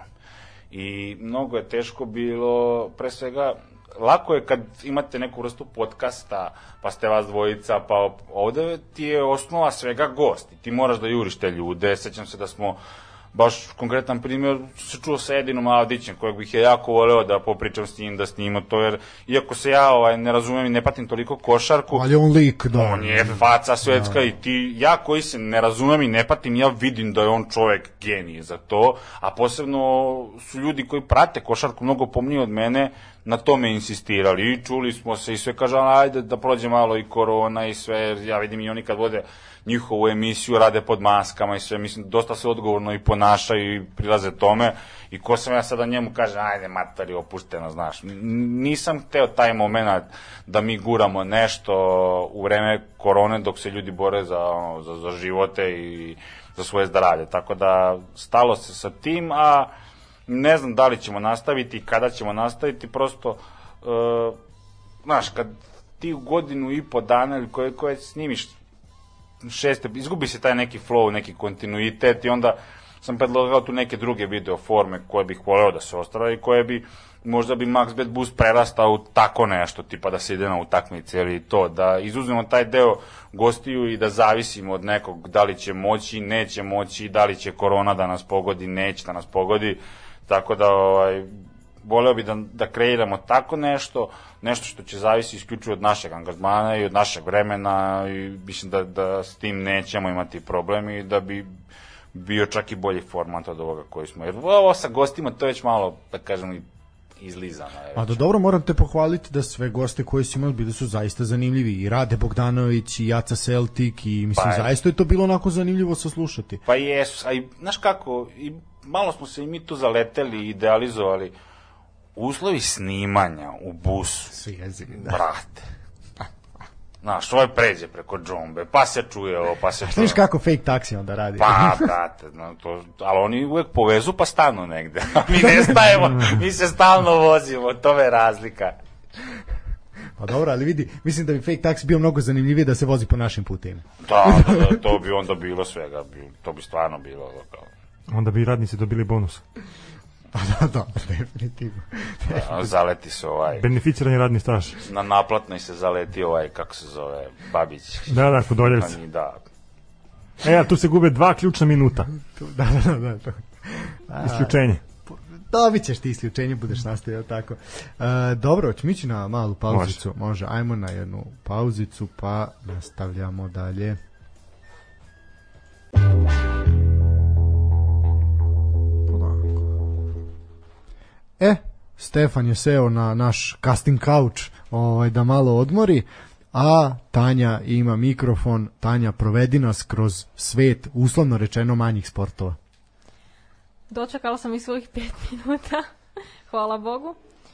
Počet ću prvo sa odbojkom, pošto tu neću, što se tiče muške Super lige, nažalost nema mnogo toga da se priča, s obzirom na to, eto to mi prvo smeta jako što Rekla sam već Vojvodina i Ribnica su inače klubovi koji kada su domaćini naravno uvek imaju prenos svojih utakmica barem na YouTubeu, a sada bukvalno nijedna utakmica nije bila niti na programima kraj malih ekrana, niti bukvalno na YouTubeu, tako da ništa nije moglo da se isprati. A na primjer kada govorimo o futbolu, ako ne pogledate utakmicu na opet futbol. kada pog- ne pogledate utakmicu na TV-u, svakako da ćete barem ukratko neki pregled moći da nađete na YouTubeu, a što se odbojke tiče to nije tako, nažalost. Tako da nakon ovog 12. kola pre svega da kažem kojim rezultatima su se završile utakmice. Crvena zvezda je odigrala prvu utakmicu protiv e, Spartaka iz Ljiga i pobedila je 3-1. Mladi radnik je izgubio od radničkog iz Kragujevca 3-0. Ribnica je pobedila Niš rezultatom 3-1 i to je, ja mislim, čak treća uzastupna pobjeda kraljevačke ekipe. Spartak iz Subotice je pobedio Metalac iz Gornjeg Milanovca rezultatom 3-1 i Vojvodina je savladala Partizan rezultatom 3-2 i to je sigurno bila najzanimljivija utakmica. Jer, Derbi kole. pa sve, generalno i svaka utakmica koja se igra u pet setova je sigurno zanimljiva i baš mi je žao što bukvalno nigde nisam mogla da nađem tu utakmicu da je odgledam. Ali šta sad? Da je Vojvodina bila domaćin sigurno da bi bila utakmica, ali pošto su oni bili gosti, Ali ajde sad kad sam spomenula Vojvodinu, svakako ono što je važno da se kaže i tu gde naravno ima šta da se priča, jeste upravo utakmica u CEV Ligi šampiona gde, kao što smo već rekli, Vojvodina igra. I Vojvodina je dočekala ekipu iz ekipu Zenita, ruska ekipa i nažalost izgubili su rezultatom 3-0. Prvi set se završio 25-22, drugi 25 13 i treći 25-20 i u tom prvom setu je Vojvodina pružila, da kažemo, i najveći otpor, ali opet i sami igrači, a i trener naravno su bili spremni i svesni sa kakvom, sa kakvom ekipom imaju posla, s obzirom na to da je ekipa, ruska ekipa i šestru, ja mislim, čak šest puta bila prvak Evrope, to nam naravno govori o kvalitetu te ekipe. I naravno to je takođe i tim koji se sastoji od velikog broja igrača koji imaju tako koji su i osvajači i olimpijskih e, medalja i generalno mnogo ruskih reprezentativaca se nalazi u samom timu i ono što je da kažem najveći problem predstavljao ekipi iz Novog Sada jeste upravo jako dobar servis, a naravno i napad ruske ekipe. A najveću pažnju je, to mogu da kažem, i um, na toj utakmici privukao igrač e, iz Zenita, to je Ženja Grebenikov, koji je inače reprezentativac Francuske, inače je Rus, ali naravno nastupa za francusku reprezentaciju. I on je, i on je generalno Pa i, on i on je generalno sportista i odbojkaš koji inače privlači jako puno pažnje i naravno da je jedan od omiljenih kod publike i nakon utakmice su se svi skoro pa jedno pola sata sigurno slikali sa njima s obzirom na to da je ulaz bio besplatan bilo je i dosta publike Čekaj, čekaj, zašto privlači puno pažnje? pa zato što dobro možda sad ima i do toga što je simpatičan A, čovjek to je, to je, to je. A, Grebenikov, to mi je kao ono iz zločini kazne, neki Da, da, lik, da. brate, otprilike. Koliko? ali Da, čovjek ajde, je pustit će da završi pa će da pitati čovjek nešto. je oženjen tako da Ko šta to smeta, ne razumem kao kakav je to problem. Ali generalno je jako dobar, on je inače libero i 2016. kada je Srbija bila prva u Ligi nacija, Grebenikov je bio najbolji libero u tom takmičenju i inače se svrstava u jedne od najboljih e, e, libera na svetu i kada imate njega jednostavno u svojoj ekipi jako morate da se pomučite da postignete poen jer on zaista na jedan na jako jednom visokom nivou brani svoje polje tako da on je jedan veliki džoker što se kaže kada je u pitanju ekipa Zenita. I naravno sad poraz jeste bio 3-0, ali opet ekipa je zaista fantastična i svi su bili svesni sa, kakvom, sa kakvim igračima imaju posla. Naravno, u sledećem kolu će e, Vojvodina da igra protiv Benfike, odnosno ide u Lisabon, a Zenit se trenutno nalazi na prvom mestu u grupi, pošto ima dve pobede. I to je to što se tiče muške odbojke. Sad, Sad, pre nego što pređeš na žensku, samo pitanje za, za našeg gosta. Pratiš ovaj odbojku?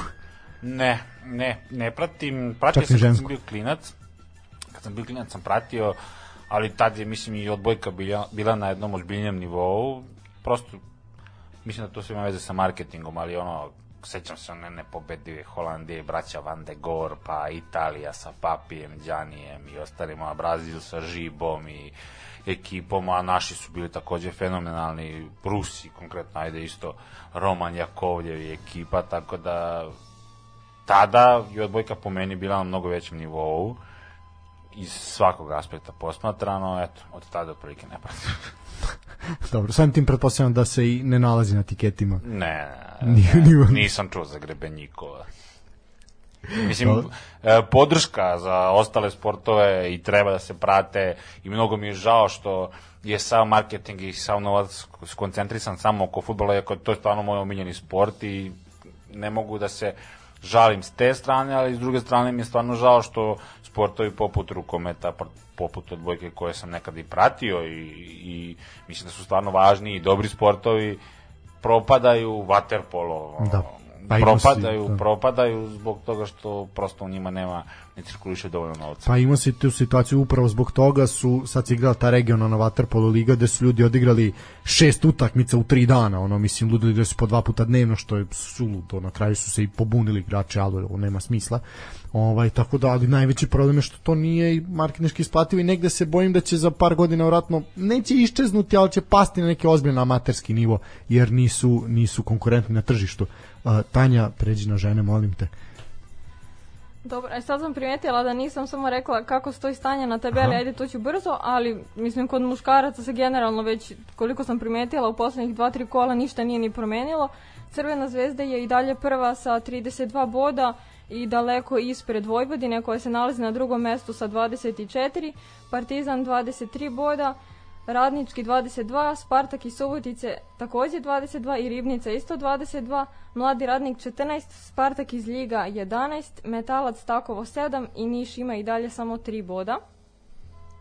E sad kada govorimo o ženama, tu je barem neka utakmica mogla da se odgleda. Jedinstvo je pobedilo UB rezultatom 3-1, Srem je takođe pobedio Spartak 3-0, Indija je pobedila Klek 3-0, Tent je pobedio 3-2 Crvenu zvezdu i Železničar je pobedio 3-0 Partizan. I sve ekipe koje su bile domaćini, eto to je zanimljivo, su Sve su ostvarile kečevi pobedu. popadali, da.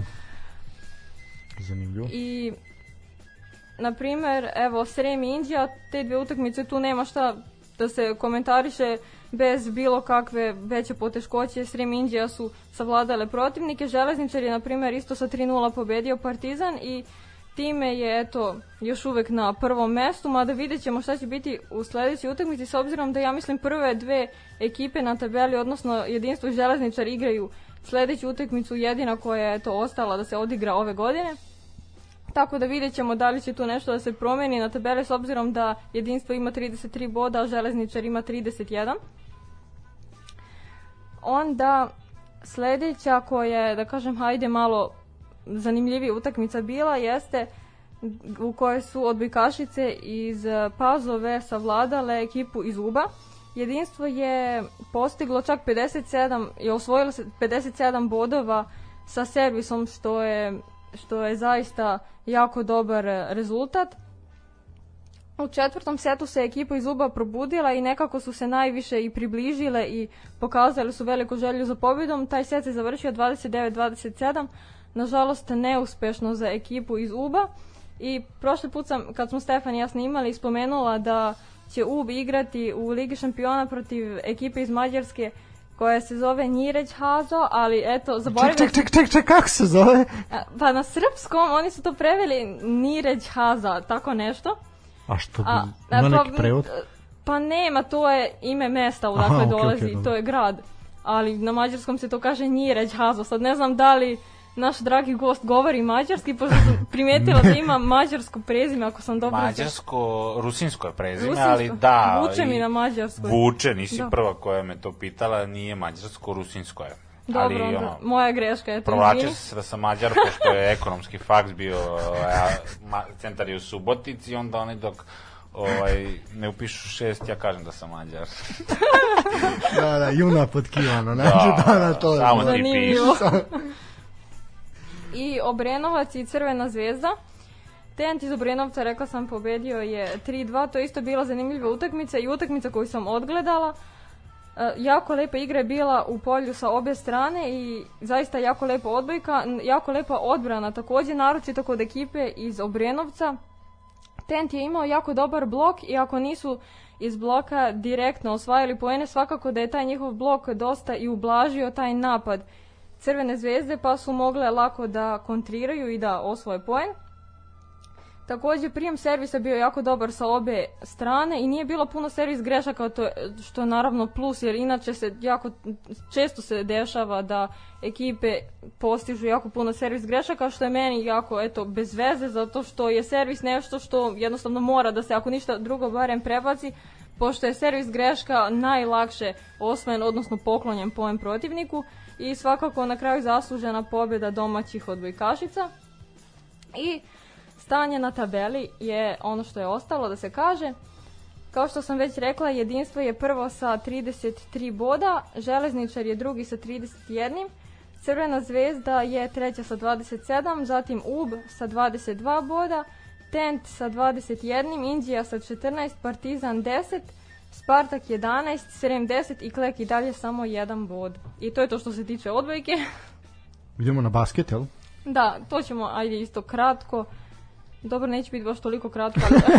Dobro, ne, okej, okay, okej. Okay. Ima, šta je bilo? Usim, u suštini, sad gledam rezultate, e, pa malo neizvesnih utakmica. Da. Uglavnom se sve rešalo sa 40 razlike da, i više. Da, Crvena zvezda, eto to je, na primjer, prva utakmica. Crvena zvezda je 109 naprema 62 borac. sa 40, da, koliko je to? 7, 47 razlike, što je stvarno ogromno. I, na primjer, eto što ima da se kaže, u ovoj utakmici, mislim, Crvena zvezda je svakako dominirala i jako dobro igrala. Zaista najefikasniji igrač crveno-belih je bio Hollins sa 16 poena i zaista nije bio tako loš ni šut za 3 poena, ni za 2 poena, to je sve prešlo, da kažem, tih nekih 54 i 65 posto, odnosno procenata, što uopšte nije loše. Veliki broj ukradenih lopti je takođe bio za Crvenu zvezdu, I s obzirom na to da je, na primjer, Crvena zvezda ne tako davno pre ove utakmice odigrala utakmicu sa Bayernom i pobedili su 81-78, nisu imali čak toliko ni vremena da se odmore i da dođu sebi, što bi se reklo, ali ko je gledao utakmicu, ja ne bih takav utisak, na primjer, imala da, im, da nisu bili odmorni ili tako nešto, jer zaista su demolirali bukvalno protivnike. I odigrali su zaista fantastičnu utakmicu i jedna informacija takođe koja je vrlo zanimljiva, da je na toj utakmici kapiten Crvene zvezde Branko Lazić je sa poenima sa slobodnog bacanja koje je dao postao i najbolji strelac Crvene zvezde i takođe najbolji strelac u tom takmičenju i oborio je rekord koji je do tada držao Tadija Dragojević Tadija Dragićević. Tadija Dragićević, da, sa 1234 poena. Čekaj, čekaj, čekaj, čekaj, čekaj. Ti meni hoćeš da kažeš da je Branko Lazić najbolji strelac Crvene zvezde u Euroligi. Ne u Euroligi, pričamo o ABA ligi. U ABA ligi, izvinjavam se. Da. To je meni neshvatljivo da niko nije dao ovo je malo, ovo malo nema smisla s obzirom da je Branko, ok, da, ali malo je čudno, ok, on je tu već koliko godina, da. ali čovjek je odbranbeni igrač koji vrlo redko postiže poene, mislim zapravo, ono, vrlo, ali dobro, zna da zavreba trojkom iz ćoška, ovaj, Dobro, ajde, na, nastavi. Ovo zanimljiv podatak da ovo, ovo ćemo pitanje na kvizu napraviti. Ovo mnogi neće znati. Dobro. I u, na primjer, treći četvrtini je Zvezda pobegla na čak 37 poena razlike, što je zaista wow. I u Zvezda će takođe odigrati sledeći meč, naravno, ali dobro, ovo sad nije ABA liga, ovaj, protiv e, ekipe Efesa, sad vidjet ćemo šta će tu da bude. To je naravno jedna od utakmica koje treba da se prokomentariše evo za što se tiče ABA lige još jedna koju ajde na brzinu samo da kažem kako su se ostale završile i budućnost vredi prokomentarisati jer i tu je bilo zaista Da, odvalili su Krku, da.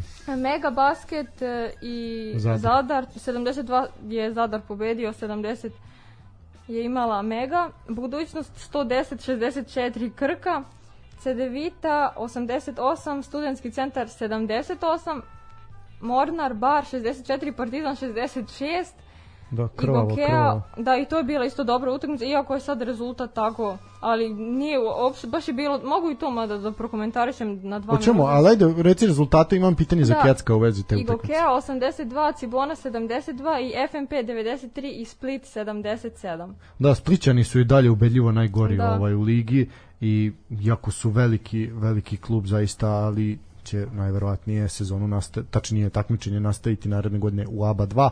A, Kecko, pitanje kao neko ko se bavi marketingom i svemu tome, koliko je velik, sad mi smo to pitali razne tu ljude, ali ajde želim i tvoje mišljenje, koliko je velik potez marketinški vraćanje Željka Obradovića u Partizan? Pa izuzetno. Mislim, i to ne samo za Partizan, nego celom Celu kredibilitetu takmičenja, da ti imaš čoveka koji je osvojio najviše evroligaških titula u, u prvenstvu, koje daje jednog direktnog predstavnika Euroligi, tako da definitivno veliki plus gde god pogledaš. Marketing, kvalitet takmičenja, kredibilitet, sve, sve, sve. Bukvalno sam bio, u, ta vest me zatekla baš na euro, kad sam bio u Budimpešti, bio sam presrećan. Ne kao, naravno, i kao navijač Partizana, ovaj, ali pre svega što volim kad se ne... Nije se on sad... Nije to, znaš, ono kao u futbolu, kad se vrati Mlađa Krstajić u Partizan s 36 godina, razumeš, ili dođe Ailton debeli u Zvezdu, ne, čovjek je došao, mogao je da bira klub u Evropi Da, koji da, će tako da je, tako je, tako je, da. Pa dobro, ovo je slično Zoranu Tošiću koji je došao u Partizan s 27 godina. Zaista, da. da. Šalim se, naravno ne, ali zaista da, ovaj, mislim, kad imaš taj uh, fenomen sad da svaki trener znači kluba protiv kojeg igra Partizan započne i završi konferenciju sa tim da nikad nije sanjao da će u ABA ligi igrati protiv Željka Obradovića onda Tako to, je, to, tako to je. dovoljno, dovoljno govori Tanja, izvoli nastavi Da, samo malo nešto da kažem onda o toj utakmici. Ekipa Aleksandra Đikića je svakako bila efikasna u napadu, a u trećoj četvrtini odlaze čak na plus 30 razlike, što je takođe opet e, stvarno ogromna razlika. I naravno na toj utakmici isto tako mogu da kažem, još jedan rekord se za malo oborio, opet zanimljiv podatak. Osam igrača iz budućnosti je sabrano jel, ukupno je imalo 180 indeksnih poena, a rekord drži ekipa Crvene zvezde sa 161 poenom, a taj rekord je iz 2003. godine. Eto, ja sam se 2002. godine rodila, koliko to već ima, Bože. dobro, dobro, dobro. Tako da za malo i tu da padne još jedan rekord. I mogu da prokomentarišem naravno i Partizan. Najefikasniji igrači su svakako bili Koprivica i Smajlagić, koji su zaista odigrali fantastične utakmice.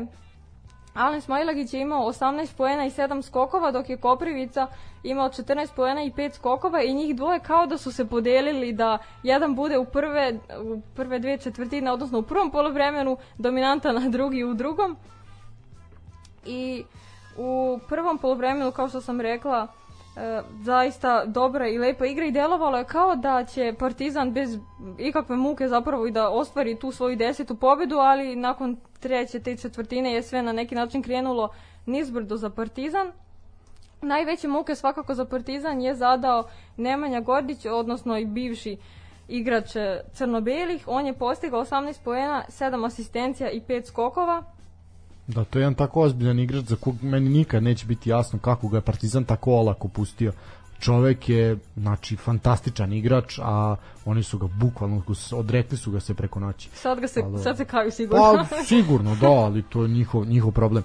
Uh, imaš još nešto da dodaš? Pa nemam šta Manje da kažem, to to. jedino eto tabelu na brzinu da Možemo preći. Da. prečešljamo. Crvena zvezda je i dalje prva sa 23 boda, međutim Partizan sa 22 prati.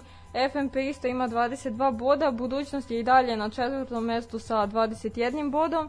Cedevita ima 19, Igokea 18, Mega Basket 17, Cibona takođe 17 i Studentski centar takođe 17, Borac ima 16, Mornar Bar 16, Krka 15, Zadar takođe 15 i Split 14 na poslednjoj Da, poziciji. mada koliko god ta mala bodovna razlika bila, Split je igrom zaista najlošija Da. ekipa, iako je tu samo bod razlike, ali zaista ne vidim kojim čudom će opstati u ligi. Vrlo izjednačeno, ono što je pohvalno da su svi odigrali sve utakmice, nemamo tu situaciju od prošle godine gde ono je neko odigrao četiri utakmice, neko 17.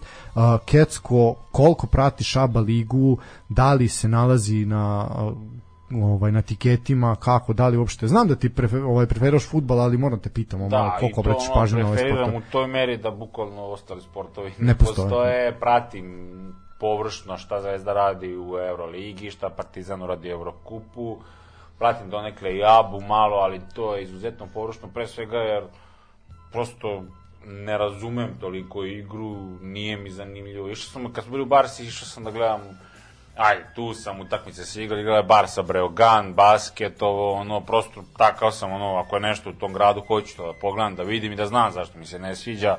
Smorio sam se izuzetno, bio je, znaš, ono, super je Barsa, Kori Higgins, ako se nema tamo igra, Mirotić, sve je to lepo, sve je to super, meni je bilo dosadno, ono, pre bih išao da gledam Tiči protiv Sosnovjeca u drugoj Poljskoj, nego to, prosto ja sam takav, nije to nikako ni podaštavanje sporta, ja samo govorim ono što je meni lično zanimljivo i mislim da, ono, to je to. Dobro, kratko ćemo pretrčati samo i Super ligu, onda ćemo se polako odjavljivati za večeras. Znači, odigrano je poslednje 14. kolo i poslednje kolo u ovoj godini. Su, Arkus Liga, Super Liga grupa A. Jugović je u Kaću pobedio radnički sa 34-31. Eto, Kaćani su konačno dočekali pobedu na svom terenu. Metaloplastika je bila bolja u fantastičnom duelu protiv Obilića sa 33-30. Jako puno golova u ovom kolu. Vojvodina je bila bolja u derbiju kola protiv Crvene zvezde sa 33-20 4. E, što se tiče ove A grupe, prva na tabeli je Vojvodina sa 22, e, druga je Metaloplastika 17, koja je, sa 17 boda koja je pretekla Dinamo iz Pančeva, koji je u ovom kolu bio slobodan zbog odustajanja Novog pazara.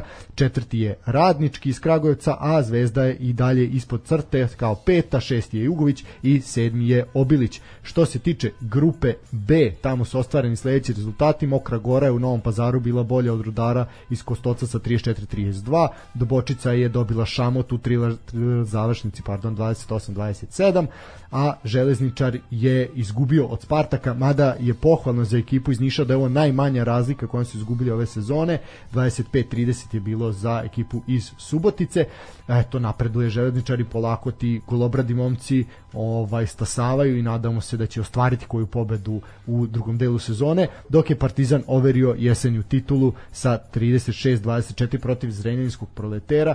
Što se tiče tabele, rekao sam Partizan prvi sa 26, Dubočica druga sa 24, treći je Rudar, četvrti je Šamot, bod razlike između njih, znači 16 i 15. Proletar je peti, prvi ispod crte, Spartak je šesti, Mokra Gora je sedma, a Železničar bez bodova osmi sa gol razlikom minus 152.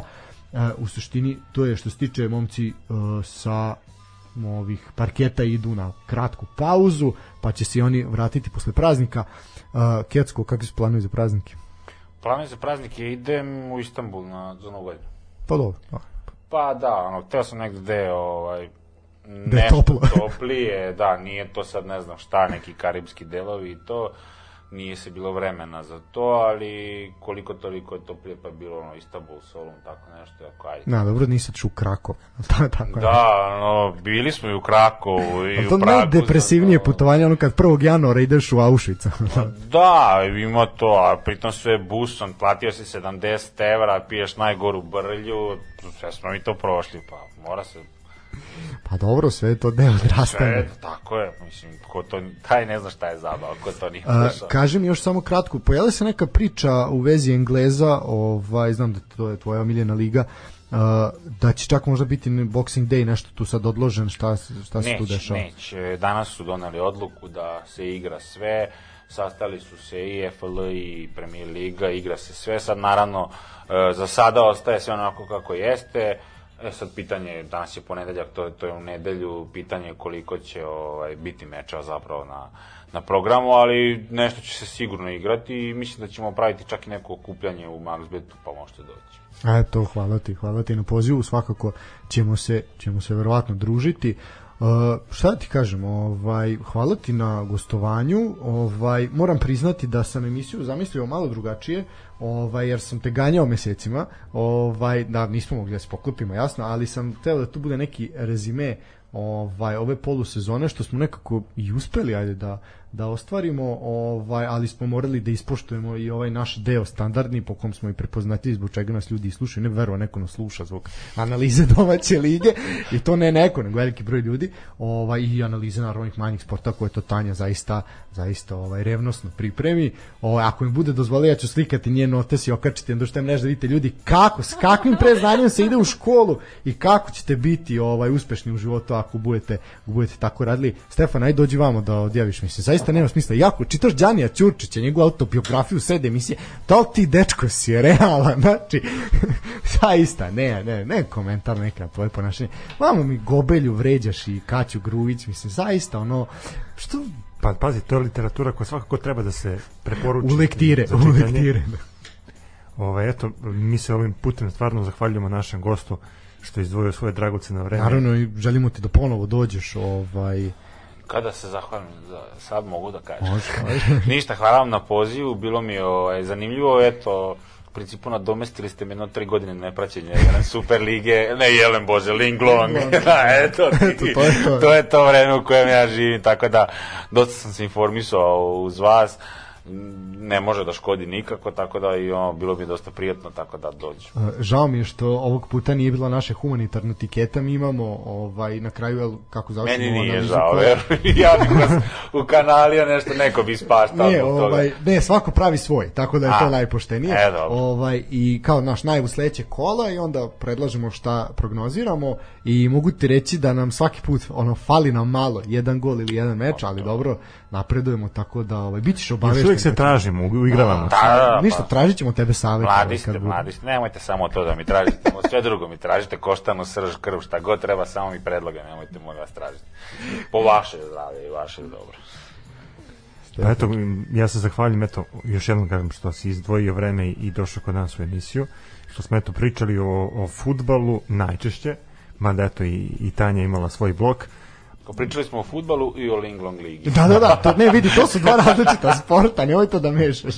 Ja se nadam da, da se vidimo na nekom od evropskih stadiona, ako ne, možda čak i, i u Kataru. A To je lepa želja za 2022. Kako? pa mislim, mislim da jeste, da. Da, da. Da, mislim da, da Ako jeste. ne u Topoli sigurno. Da. Ovaj, I da se zahvalim eh, našim slušalcima koji su slali pitanja, nadam se da te nisu pogodili u, u srž, ali dobro, je, jednostavno ovaj, mi smo ispunili želje naših dragih slušalaca. Da, ja moram reći da je jako, jako veliko interesovanje bilo za ovu, za ovu epizodu. Mnogo ljudi je ovaj, slalo poruke pre same, pre same epizode kad smo mi okačili Što najavu do, da do, ćeš dosta doći. govori o našem društvu, dokle smo stigli. Pa dobro, vidi, mislim, Znaš kako, nama imponuje, a sad da li je to dobro ili nije, to je sad Na, nama su nudili fiksnu liniju, ovaj provajderi, ali mi smo odlučili da to ipak ne uvodimo. Tebi tako. su nudili, to je sad druga stvar. E, dođe mu promoterka na kuću i on odbi. Ja, ne, Pa ne, pazi, znači onda bi bilo zivkanja, zvanje, ovako pošalju poruku, pa onda urednički Bolje bord. da, da postoji neka Pa barijera da, malo. Mora, mora da se zna ko vodi glavnu Makar- reč. On ovako urednički bord odluči da li poruka može da se pročita. Da, samo ozbiljni gej stop. Ovaj, da, pa makar, mora biti barijera, makar bilo feel team. Da, a dobro. Ništa, ajde, nećete više upadati u reč. Odjavi, najavi novogodišnji specijal. E, da, ovako, mi ćemo se potruditi da u narednom periodu naše emisije budu malo zabavnije karaktera. Dovodit ćemo naravno goste, Uh, biće tu svega, biće i hrane, ja se barem nadam i pića. Eto, uh, Danas nismo opet- stigli. Da ovo je prva, prva epizoda, nismo imali hrane, ali nismo stigli, opet smo da, da, da, se, Pa, da se da. zahvalim i našem gostu koji nam je doneo ovaj par flaša piva. Ovaj stvarno eto imali smo tu čast da da, da probamo uh, pivo koji je kraft proizvodnje, je li tako? Tako je, Hog je pivara iz Novog Sada, to je naše brendirano pivo, engleski futbal, eto, to smo radili za, zajedno u saradnji sa Hogom, Indian Pale Ale ili American Pale Ale? American Pale Ale. Da, ne, ovaj, jako je, jako je ukusno, ovaj, hvala ti svakako na poklonu, a eto, znači, uspeo si u životu kad budeš imao svoje pivo. To, to je, to je ovaj, čemu ćemo težiti Dobro, ja sam, ja sam imao svoje pivo, ali A dobro, mislim da bude sportski pozdrav pivo, razumiješ, šta falilo. Dobro, kad smo kod, kod toga, eto, sportski pozdrav je uspeo da, da se malo brendira, pa je Stanislav napravio uh, priveze za ključeve, Idemo. Z- zvetske, zvetske ključeve ima. E. E, Pošto sam eto, prestao da srčem. Pa da, ali stvarno uh, za, za predstojeće praznike planiramo neke kvizove, nagradne igre, kažem, emisija će biti malo zabavnije karaktera, planiramo i neke goste koji nisu strukovno vezani za uh, za fudbal, da, da malo Znači, da malo da ovaj da odišu i drugi sportovi i eto, ovaj vi nas slušajte u narednom periodu. To bi bilo to za večeras. Do narednog slušanja. Sportski pozdrav.